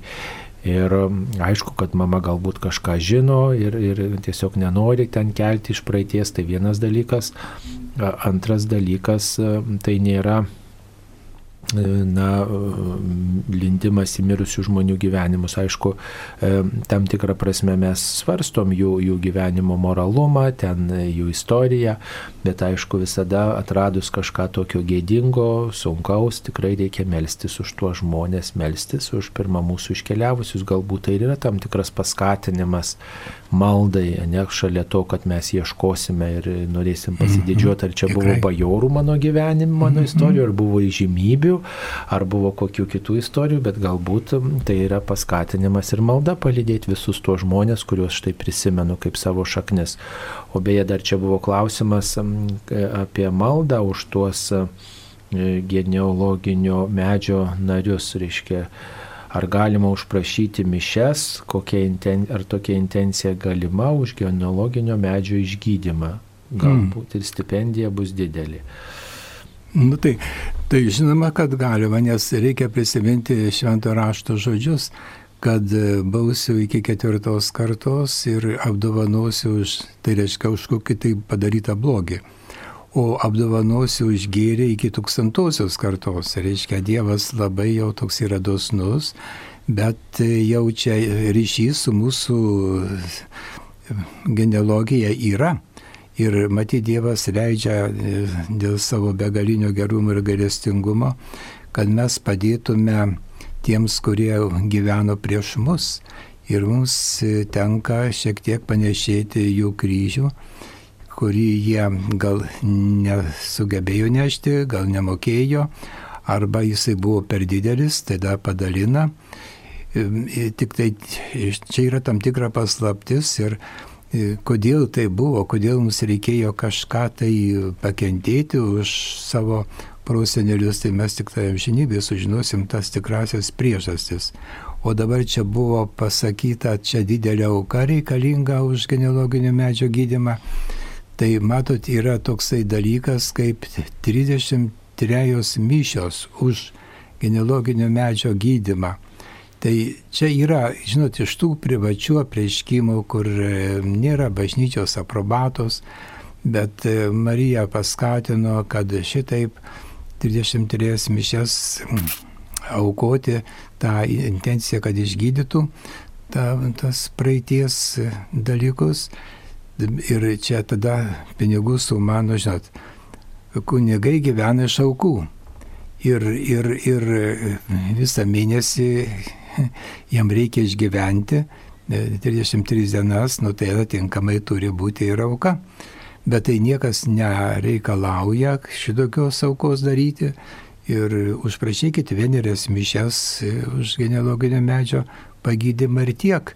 O čia jau tik tai ypatingi atvejai, gal kai žmogus jaučiasi, kad jam reikia įsikišti tą likimą savo protėvių ir save kažkiek apsaugoti nuo tų pasiekmių, kurios ateina iš genealoginio medžio. Nu, būna tokių atvejų, bet tai yra retai ir, ir negalvokit, kad tai jums yra pareiga. Jokių būdų ne pareiga. Taip, mums paskambino Ona iš Jurbarko. Taip, ona, klauskite, onutė. Garbėzai. Per amžius. Aš čia turiu tokį klausimą. Aš, nu, man dabar 82 metai. Nu ir aš dabar niekur nebegaliu nueiti, nei, nu, anksčiau nuo 55 metų pradėjau, įstojau į tikėjimą žodžio bažnyčią ir ten ištikimai lankiau iki 80. Nu ir ką man dabar daryti, aš dabar visą laiką Marijos radiją klausau. Mhm. Nu ką jums daryti? Nu tai matot, reikėtų, kaip jūs save priskiriate, kokiai tradicijai. Ar jūs save priskiriate katalikams, ar priskiriate tikėjimo žodžio bendruomenė, tikėjimo žodžio bažnyčiai. Jeigu save uh, norite būti katalikė, tai tada reikėtų vis dėlto, na, atlikti išpažinti, pasikviesti kunigą į namus, tiesiog išpažinti tikėjimą, tiesiog vat, švesti sakramentus ir galbūt priimti šventąją komuniją. Nu tiesiog pasikalbėti asmeniškai su kunigu katalikų. Jeigu jūs save norite priskirti katalikų bažnyčiai, jeigu norite ir toliau būti tikėjimo žodžio nare, nes tai yra protestantiška bendruomenė, ne, tai yra jūsų pasirinkimas, ar ne, bet, bet tada reiškia vis tiek reikėtų artimuosius informuoti ir kunigą, pavyzdžiui, jeigu jūs štai mirštate ir jūs nori laidoti, pavyzdžiui, katalikiškai, tai nu, vis dėlto reikėtų, kad kunigas apie tai žinotų, kad jūs buvote mm, vat, na, ne katalikų bažnyčios nariai, bet e, buvote mm, tikėjimo žodžio nariai. Tai vat, nuo to priklauso ir kunigo pasirinkimas, apsisprendimas. Paprastai kunigas palydė tik tai katalikų bažnyčios narius. Ir tokia yra taisyklė. Va, jeigu protestantai, tai jie, jie yra palydimi savų bendruomenių. Tai, va, to, to, to, tai būtų, bet jeigu jūs klausotės Marijos radijas, radio, kuris yra katalikiškas e, radijas, e, tai vis dėlto mes kelbiam katalikį, katalikų bažnyčios mokymą ir jeigu jums tai priimtina, nesvarbu, kas gyvenime yra buvę, tai kviečiam tikrai na, kažkaip surasti būdą, kaip būti tokia na, aktyvesnė katalikų bažnyčios narė, net jeigu negalit vaikščioti, tai kvieskite į namus kunigą, taip pasakyčiau, ir, nu, parapijos kunigą pakvieskite, suraskite telefoną internete ar, ar kaip, ar paprašykite pažįstamų, kad jums padėtų surasti tos parapijos kunigą arba bet kurį katalikų kunigą, kuris galbūt jums padėtų šiuo, šiuo klausimu. Taip, dar vienas, vienas klausimas. Šiandien švenčiausios mergelės Marijos šeštadienis, kokios šios šventės ištakos? Na tai šios šventės ištakos yra labai paprastos. 1917 metais e, Liepos 13 dieną Marija e, Fatimoje apsireiškė priemenėliams ir kalbėjo apie pragarą, apie tai, kad, reiškia, yra ta pražūties galimybė ir kad e, daug nusidėlių ten gali patekti ir Dievas nori, vis dėlto Marija taip liudijo, kad Dievas nori, jog žmonės kreiptųsi į mergelę Mariją ir puoselėtų pamaldumą į nekaltąją jo širdį ir e, tie, kurie kreipsis į Mariją, prašys jos užtarimą, e, tikrai bus, bus, bus išgelbėti ir nekaltoji širdis triumfuos ir, ir Marija kvietė, e, žodžiu, būtent pirmąjį mėnesio šeštadienį melstis už tuo metu, reiškia, vat, karų grumojusią Rusiją ir prašyti pasaulio atsivertimų ir kiekvienam išgyventi atsivertimą, atgailą, priimti komuniją ir tiesiog tas žmogus meldžia e, išgelbėjimo iš skaistyklos. Tai va toks pamaldumas į Mariją, prašant išgelbėjimo ir prašant tokio atsiteisimo, pataisimo už pasaulyje padarytą blogį. Ir konkrečiai Marija kreipė mintis apie tai, kad Rusijai reikia atsivertimo ir žinom, kad Rusija turėjo būti paukota paraukota nekaltai Marijos širdžiai. Va, ir, ir tas atgailos momentas Marijos prašymų turėjo būti gyvendintas, tai, tai šitą, šitą iš, išreiškė Marija. Ir, ir nuo to ir kilo tas pirmųjų mėnesio šeštadienių pamaldumas melstis už save ir aukotis už nusidėlius, kad sielos neįtų į pragarą, nes daug žmonių nesimeldžia ir daug žmonių yra, kurie ne, nepripažįsta to pasiaukojimo už kitą, tos aukos aspekto. Apie tai Marija kalbėjo 1917 metais, va, trims piemenėliams, va, ir apie tai yra galima pasiskaityti. Tai va, štai toks tas pamaldumas. Dar vienas apie pirmą mėnesio penktadienį buvo nusprendžiau lankyti pirmosius mėnesių penktadienius, tačiau dėl tam tikrų aplinkybių teko praleisti vieną, ar reikia vėl iš naujo pradėti, ar galima tęsti toliau, ar būtinai turi būti nenutrūkstamas ėjimas. Taip, tai yra ta tradicija, kad nenutrūkstamas ėjimas turi būti ir sakoma, jeigu žmogus tą sulaužė tokią tradiciją, turėtų pradėti iš naujo, kiek man teko girdėti. Kunigė, gal jūs kažkaip. Taip, labai teisingai, nes matot, čia yra novena. Tai e, novena yra surišta su tam tikrais sunkumais, nes e, galimybės arba trukdžiai gali atsirasti ir sutrukdo. Ir tada, e, reiškia, vėl reikia pradėti iš naujo, kadangi tai speciali devinių iš eilės einančių penktadienių malda. Ir ta, ta novena yra sunki ir todėl už ją yra ir tas vadinamas nu, atlygis, kurį gauna žmogus tai įvykdęs. Ir labai gerai, kai žmogus tai padaro, tada gauna tos, pa, reiškia, bus e, tie pažadai jam padaryti, kas yra pažadėta Dievo, tai jis tą viską gaus. Taip, ačiū, mums paskambino. Genė iš Vilniaus rajono. Taip, Genė, klauskite garbė Jėzui. Per amžius amen. Čia praeitą laidą, bet labai kažkaip negerai kalbėjo apie protestantų tikėjimą. Aš šitą tikėjimą labai gerai pažįstu. Visų pirma, tai labai sunkus tikėjimas, kuris remiasi pasitikėjimą dievų, o tai be galo sunkus dalykas ir tai jokia sekta, tai jau nesekta yra. Ir mes turime visų pirma, kai kalba, bet ir kunigai turime ram, remtis vienybę vienybę krikščionių siekti, o ne kažkaip vieni kitus pulti, nes jeigu puolame vieni, vieni kitus, tai reiškia piktoji dvasia veikia tai kiršina taip, visus. Taip. Mes neturime kiršintis. Taip, labai ir, pritariu. Jau tai protestantų tikėjimas nepatinka, tai kodėl šventos e, protestantų giesmės tokios gražios skamba per radiją. Taip, nu yra tokių giesmių, kurios yra, kaip sakyt, gal kilę iš vienų bendruomenių, bet pe- perimtos kitų. Tai, nu, matot, ten labai jūs gražiai pasakot, kad nereikėtų čia mums priešintis, viską taip, jau kai sektom išvadinam, tai žinoma, tokio priešiškumo jau garantuotai turėsim iš tų žmonių, kurie galbūt ir kitaip tiki negu mes, bet e, Jo, bet e, šitą, nu žinot, ko žmogus nepadara iš to įkarščio, ne, ko nepadaro kiti. Tai būkit gailestinga, mėloji, jeigu jūs prijaučiat protestantams ir, ir branginat juos, tai tikrai būkit gailestinga broliams katalikams, kurie kartais taip pat pasako. E, tiesiog, žinot, kiekvienas turėsim atsakyti už savo žodžius, už savo įžeidimus tikrai ir, ir mes, kaip sakant, visi kviečiami esam vis dėlto būti jautriais, net jeigu ir kitas žmogus nejautrus. Taip, na ir panašus klausimas čia apie skaistyklą protestantus mums primena, kodėl protestantai pravoslavai nepripažįsta skaistyklos, Biblijoje apie ją nieko nesakoma, kuo tada tikėti. Taip, nėra Biblijoje parašyta skaistykla, bet, bus, bet yra parašyta, kad išsigelbė žmogunės tarsi per ugnį.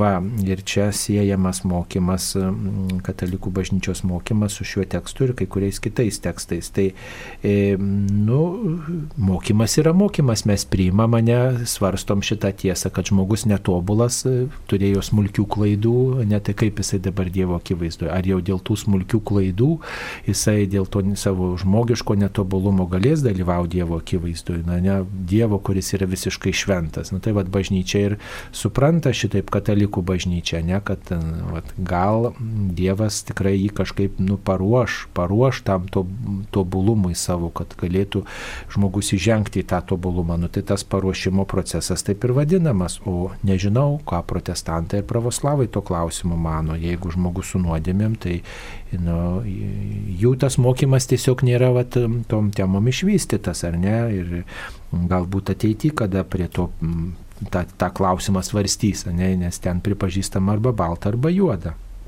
Bet mes juk savo gyvenime tą patirtį turime, kad nėra tik tai balta arba juoda. Prisiminkit, kad protestantai ir pravoslavai, jeigu taip žiūrėti, jie savo mokymą pradėjo vystyti tik, tik tai nuo to skilimo momento, o jie atskilę, nu, va, tas atskilimas yra įvykęs jau vėlesniais laikais, negu kad katalikų bažnyčia, reiškia, jau nėra 2000 metų nei protestantų, nei pravoslavų tradicija. Yra, kada bažnyčia buvo viena, bet paskui buvo skilimas 11 amžiui, štai pravoslavai, su pravoslavais buvo tas kilimas, paskui 16 amžius su protestantai ir vėlesni, nu, tai tas ir mokymas, tai tikriausiai va jų dar šitų klausimų kažkaip bus, bus grinintas, taip Aš galima svarstyti. Norėčiau patikslinti, ir reiškia, protestantai tikrai nepripažįsta skaistyklos, o pravoslavai pripažįsta.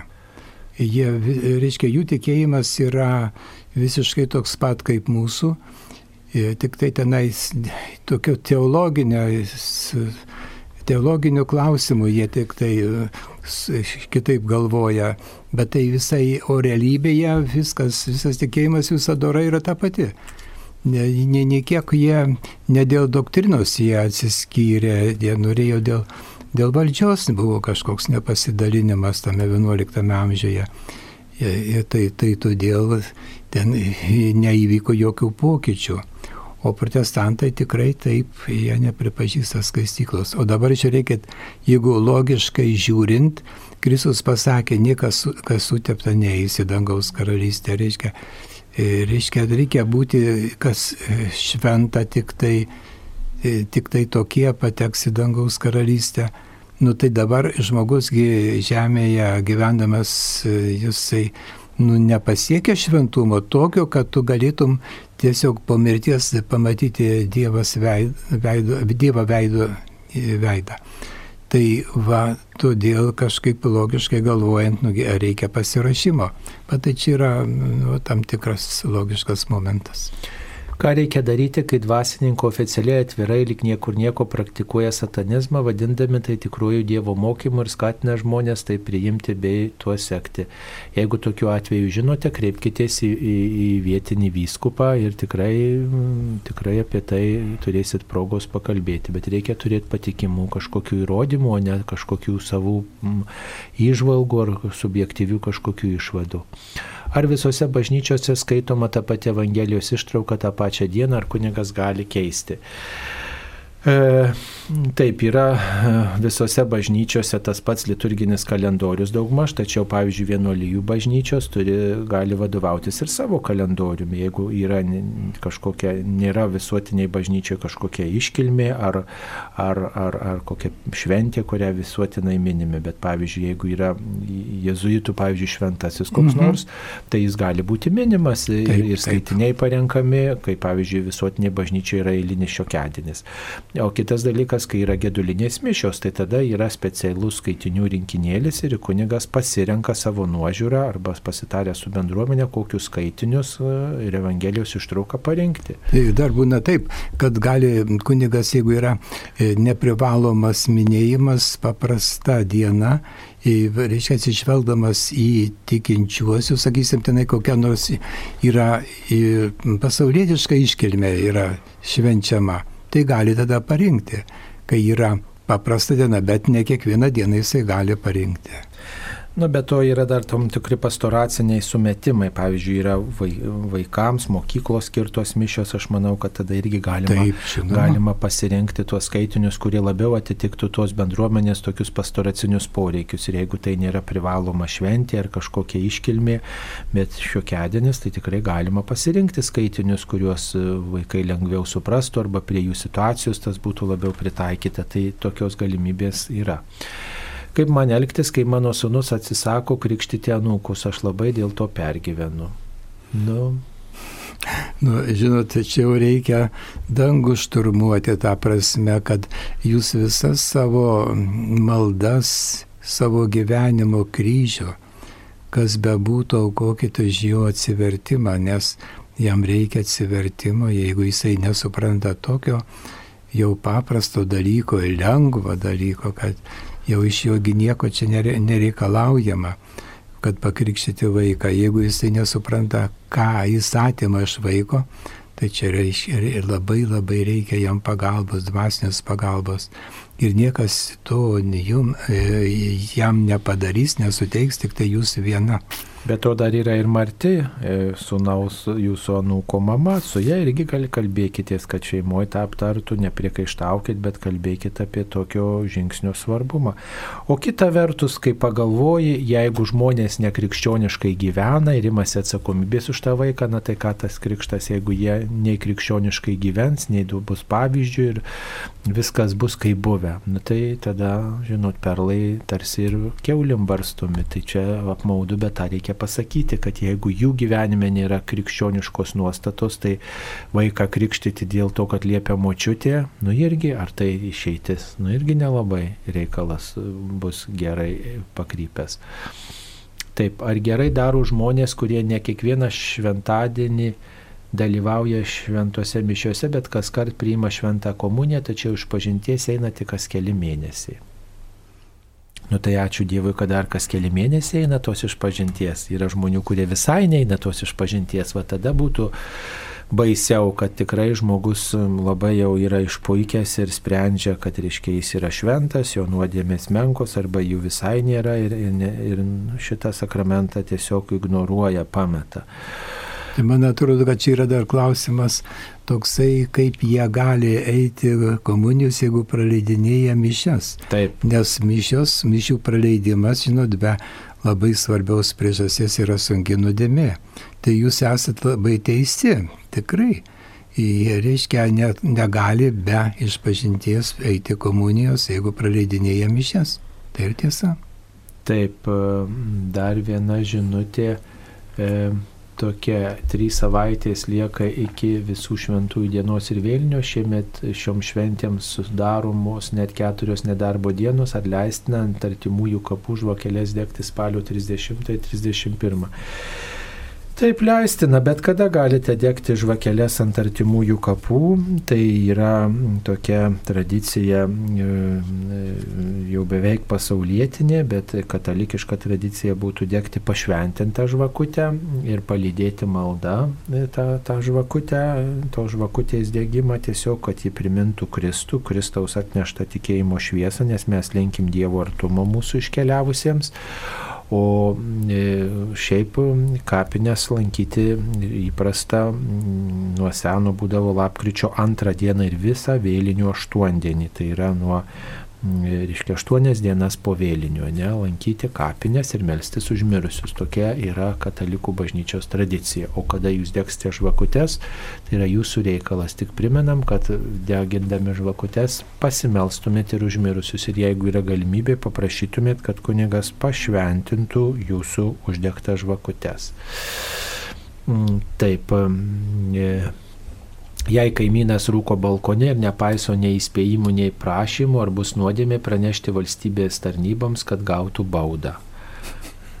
Nu, tikrai užuojauta, kad turite rūkantį kaimyną, bet pagalvokit, kad rūkimas yra tikrai didi priklausomybė, o kur jam dėtis, reiškia žmogų. Tai gal geriau, nu, nežinau, balkonė rūko, negu kad, pavyzdžiui, tolete rūkys ir eis e, dūmai per, visus, per visas ventiliacijos angas, tai bus dar baisiau. Va nu, atsikratyti priklausomybės yra sunkus dalykas. Nu, nuodėmės turbūt nebus pranešti, kad pažeidinėjamos taisyklės, nu, įstatymai, čia gal jie dabar, kiek teko girdėti, yra tok, tokia, toks įstatymas, ar ne, kad negalima rūkyti turbūt. O kažkas yra. Taip, tiksliai negalim pasakyti, bet, bet žodžiu, bandykit kalbėti su kaimynu, kad išeitų, nusileistų į gatvę, bent jau išeitų į gatvę, vat, kad sumažintų bent jau tą papildomą papirosų skaičių, kad e, tikrai pats ne, ne savo sveikatos negriautų ir, ir kitiems ne, negadintų nervų ir sveikatos. Taip, ar katalik, kai katalikas sudaro nebažnytinę santoką, bažnytinė yra iširusi ir kunigas priima į bažnyčią iškilmingų civilinių vestuvių dalyvius palaiminimui, ar nesudaromas įspūdis, kad katalikų bažnyčia jau laimina nebažnytinę santoką, kokia to palaiminimo prasme. Na, sunku pasakyti, kunigas tikriausiai pareiškia, pareiškia tokį palinkėjimą, kad štai Dievas jūs te saugo, štai jūs dabar negalite gal priimti bažnytiniais, bet nors taip, bet aišku, tai nėra numatyta ir turbūt bažnytinė vyresnybė tokio veiksmo, tokiam veiksmui nepritartų, ko gero viskupai nepalaimintų tokio, tokio veiksmo. Čia kunigas gal nori parodyti pastoracinį uolumą, palydėjimą to, tokiem žmonėm ir aišku yra pavojus, kad tai bus e, nu, supainiojama su santokos sakramentu, tai yra tas pavojus, bet nu, sunku pasakyti, ar čia gal kunigas tikrai nori būti geras tiem žmonėm ar panašiai.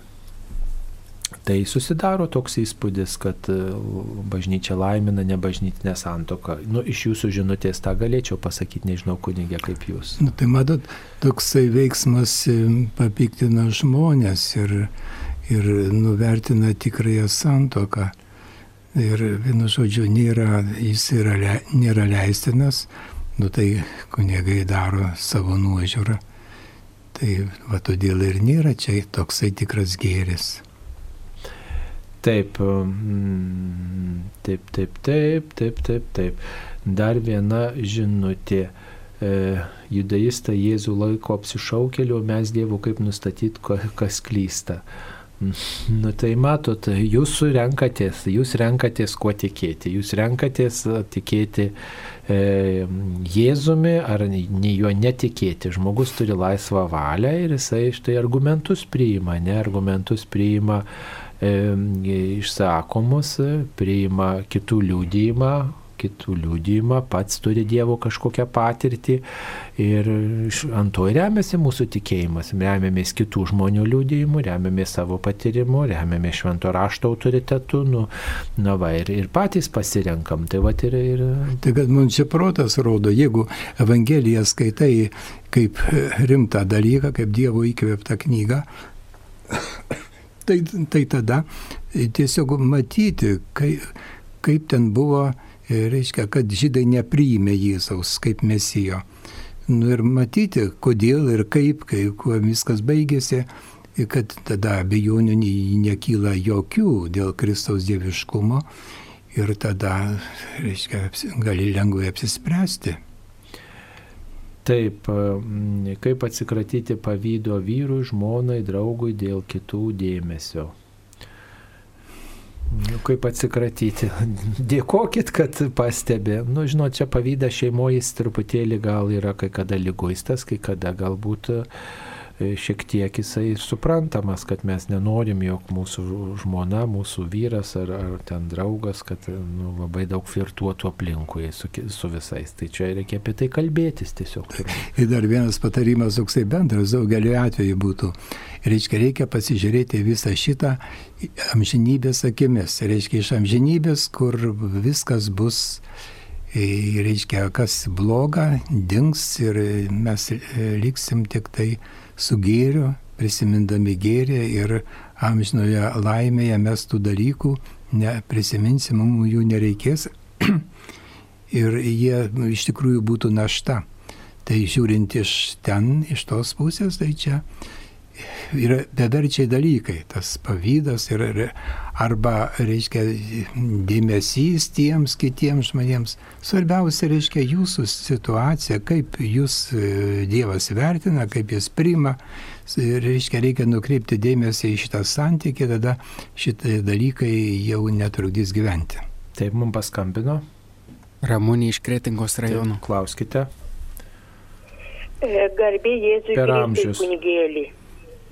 Klauskite. Nu, e, vykdau apsimarinimus, norėčiau todėl paklausti, ar būtinai turiu atsisakyti šį malonumą, kurti eilėraščius, rašyti straipsnius ir e, centre vykstančius renginius, juose dalyvauti, kaip sakant. Nu, supratom, šitą klausimą aptarkit su savo nuodėm klausiu, mėloji. Čia ne radio bangoms, reiškia, reikia aptarti, kokie tie jūsų apsimarinimai ir, kodėl jūs juos darote, žinot, taip, vat, aptarkim tokius dalykus su savo nuodėm klausiu, reiškia, kodėl jūs imatės, kokius tie apsimarinimai ir taip toliau. Va, tiesiog čia radio patarimu dvasinis vadovavimas yra gana keblus. O beje, dar viena tokia žinutė yra, kaip pasirinkti dvasinį vadovą, dvasinį palidėtoją, kuris padėtų išgliaudyti save, suprasti savo paklydimus ir Dievo valią. Hmm. Paprasčiausiai reikia bandymų keliu su vienu kunigu, reiškia ne tai, kad eini pokalbį, bet prieini iš pažinties ir žiūri, kaip jisai reaguoja į tavo problemas, kiek padeda, daug ar mažai.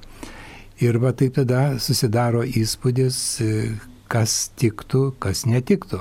O šiaip iš pažiūrė, e, pažiūros arba iš pamokslų daryti išvadas, tai dar, dar, dar būtų labai netikra. Bet tiesiog, kai susitinki klausykloje. Ir melskitės, kad Dievas duotų tokį iškumą, vidinį tikrumą, prašykite to, imkite nuoveną į šventąją dvasę ar kokią kitą maldą ir tiesiog kur tam tikrą laiką reikia melstis ir prašyti to iškumo, kur viešpats jūs veda. Ar už nužudytą žmogų buvo pagreitinta jo mirtis, reikia melstis kitaip nei už natūralią mirtimi mirusį. Ne, nereikia kitaip melstis, užteks, kad jūs įprastai melsitės kaip ir įprasta pagal bažnyčios mokymą. Taip. Ir dar viena žinutė, norėčiau Marijos buveinės adreso, mm, kokiom dienom galima užeiti ir užsakyti šventas mišes. E, Marijos ad, radio adresas Mikalojaus Daukšaus gatvė, kampas Slatkevičiaus mm, yra Kaune.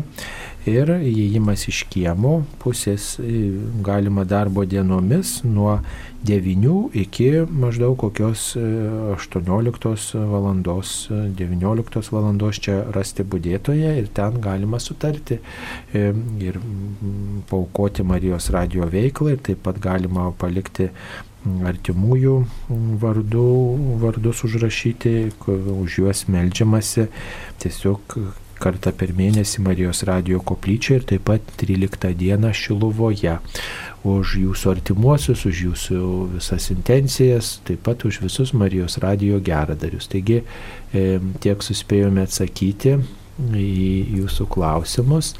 E, ačiū, kurie e, skambinote, ačiū, kurie siuntėte įvairias žinutės ir ačiū kunigui Algirdui Paliokui iš Švento Pranciškaus Ksavero Jėzuitų bažnyčios, kuris dalyvavo šioje laidoje. Prie mikrofono taip pat buvo aš kunigas Saulis Bužauskas. Viešpats te laimina ir te padeda mums išlaikyti ištikimybę, kantrybę ir artimų meilę. Ačiū sudė.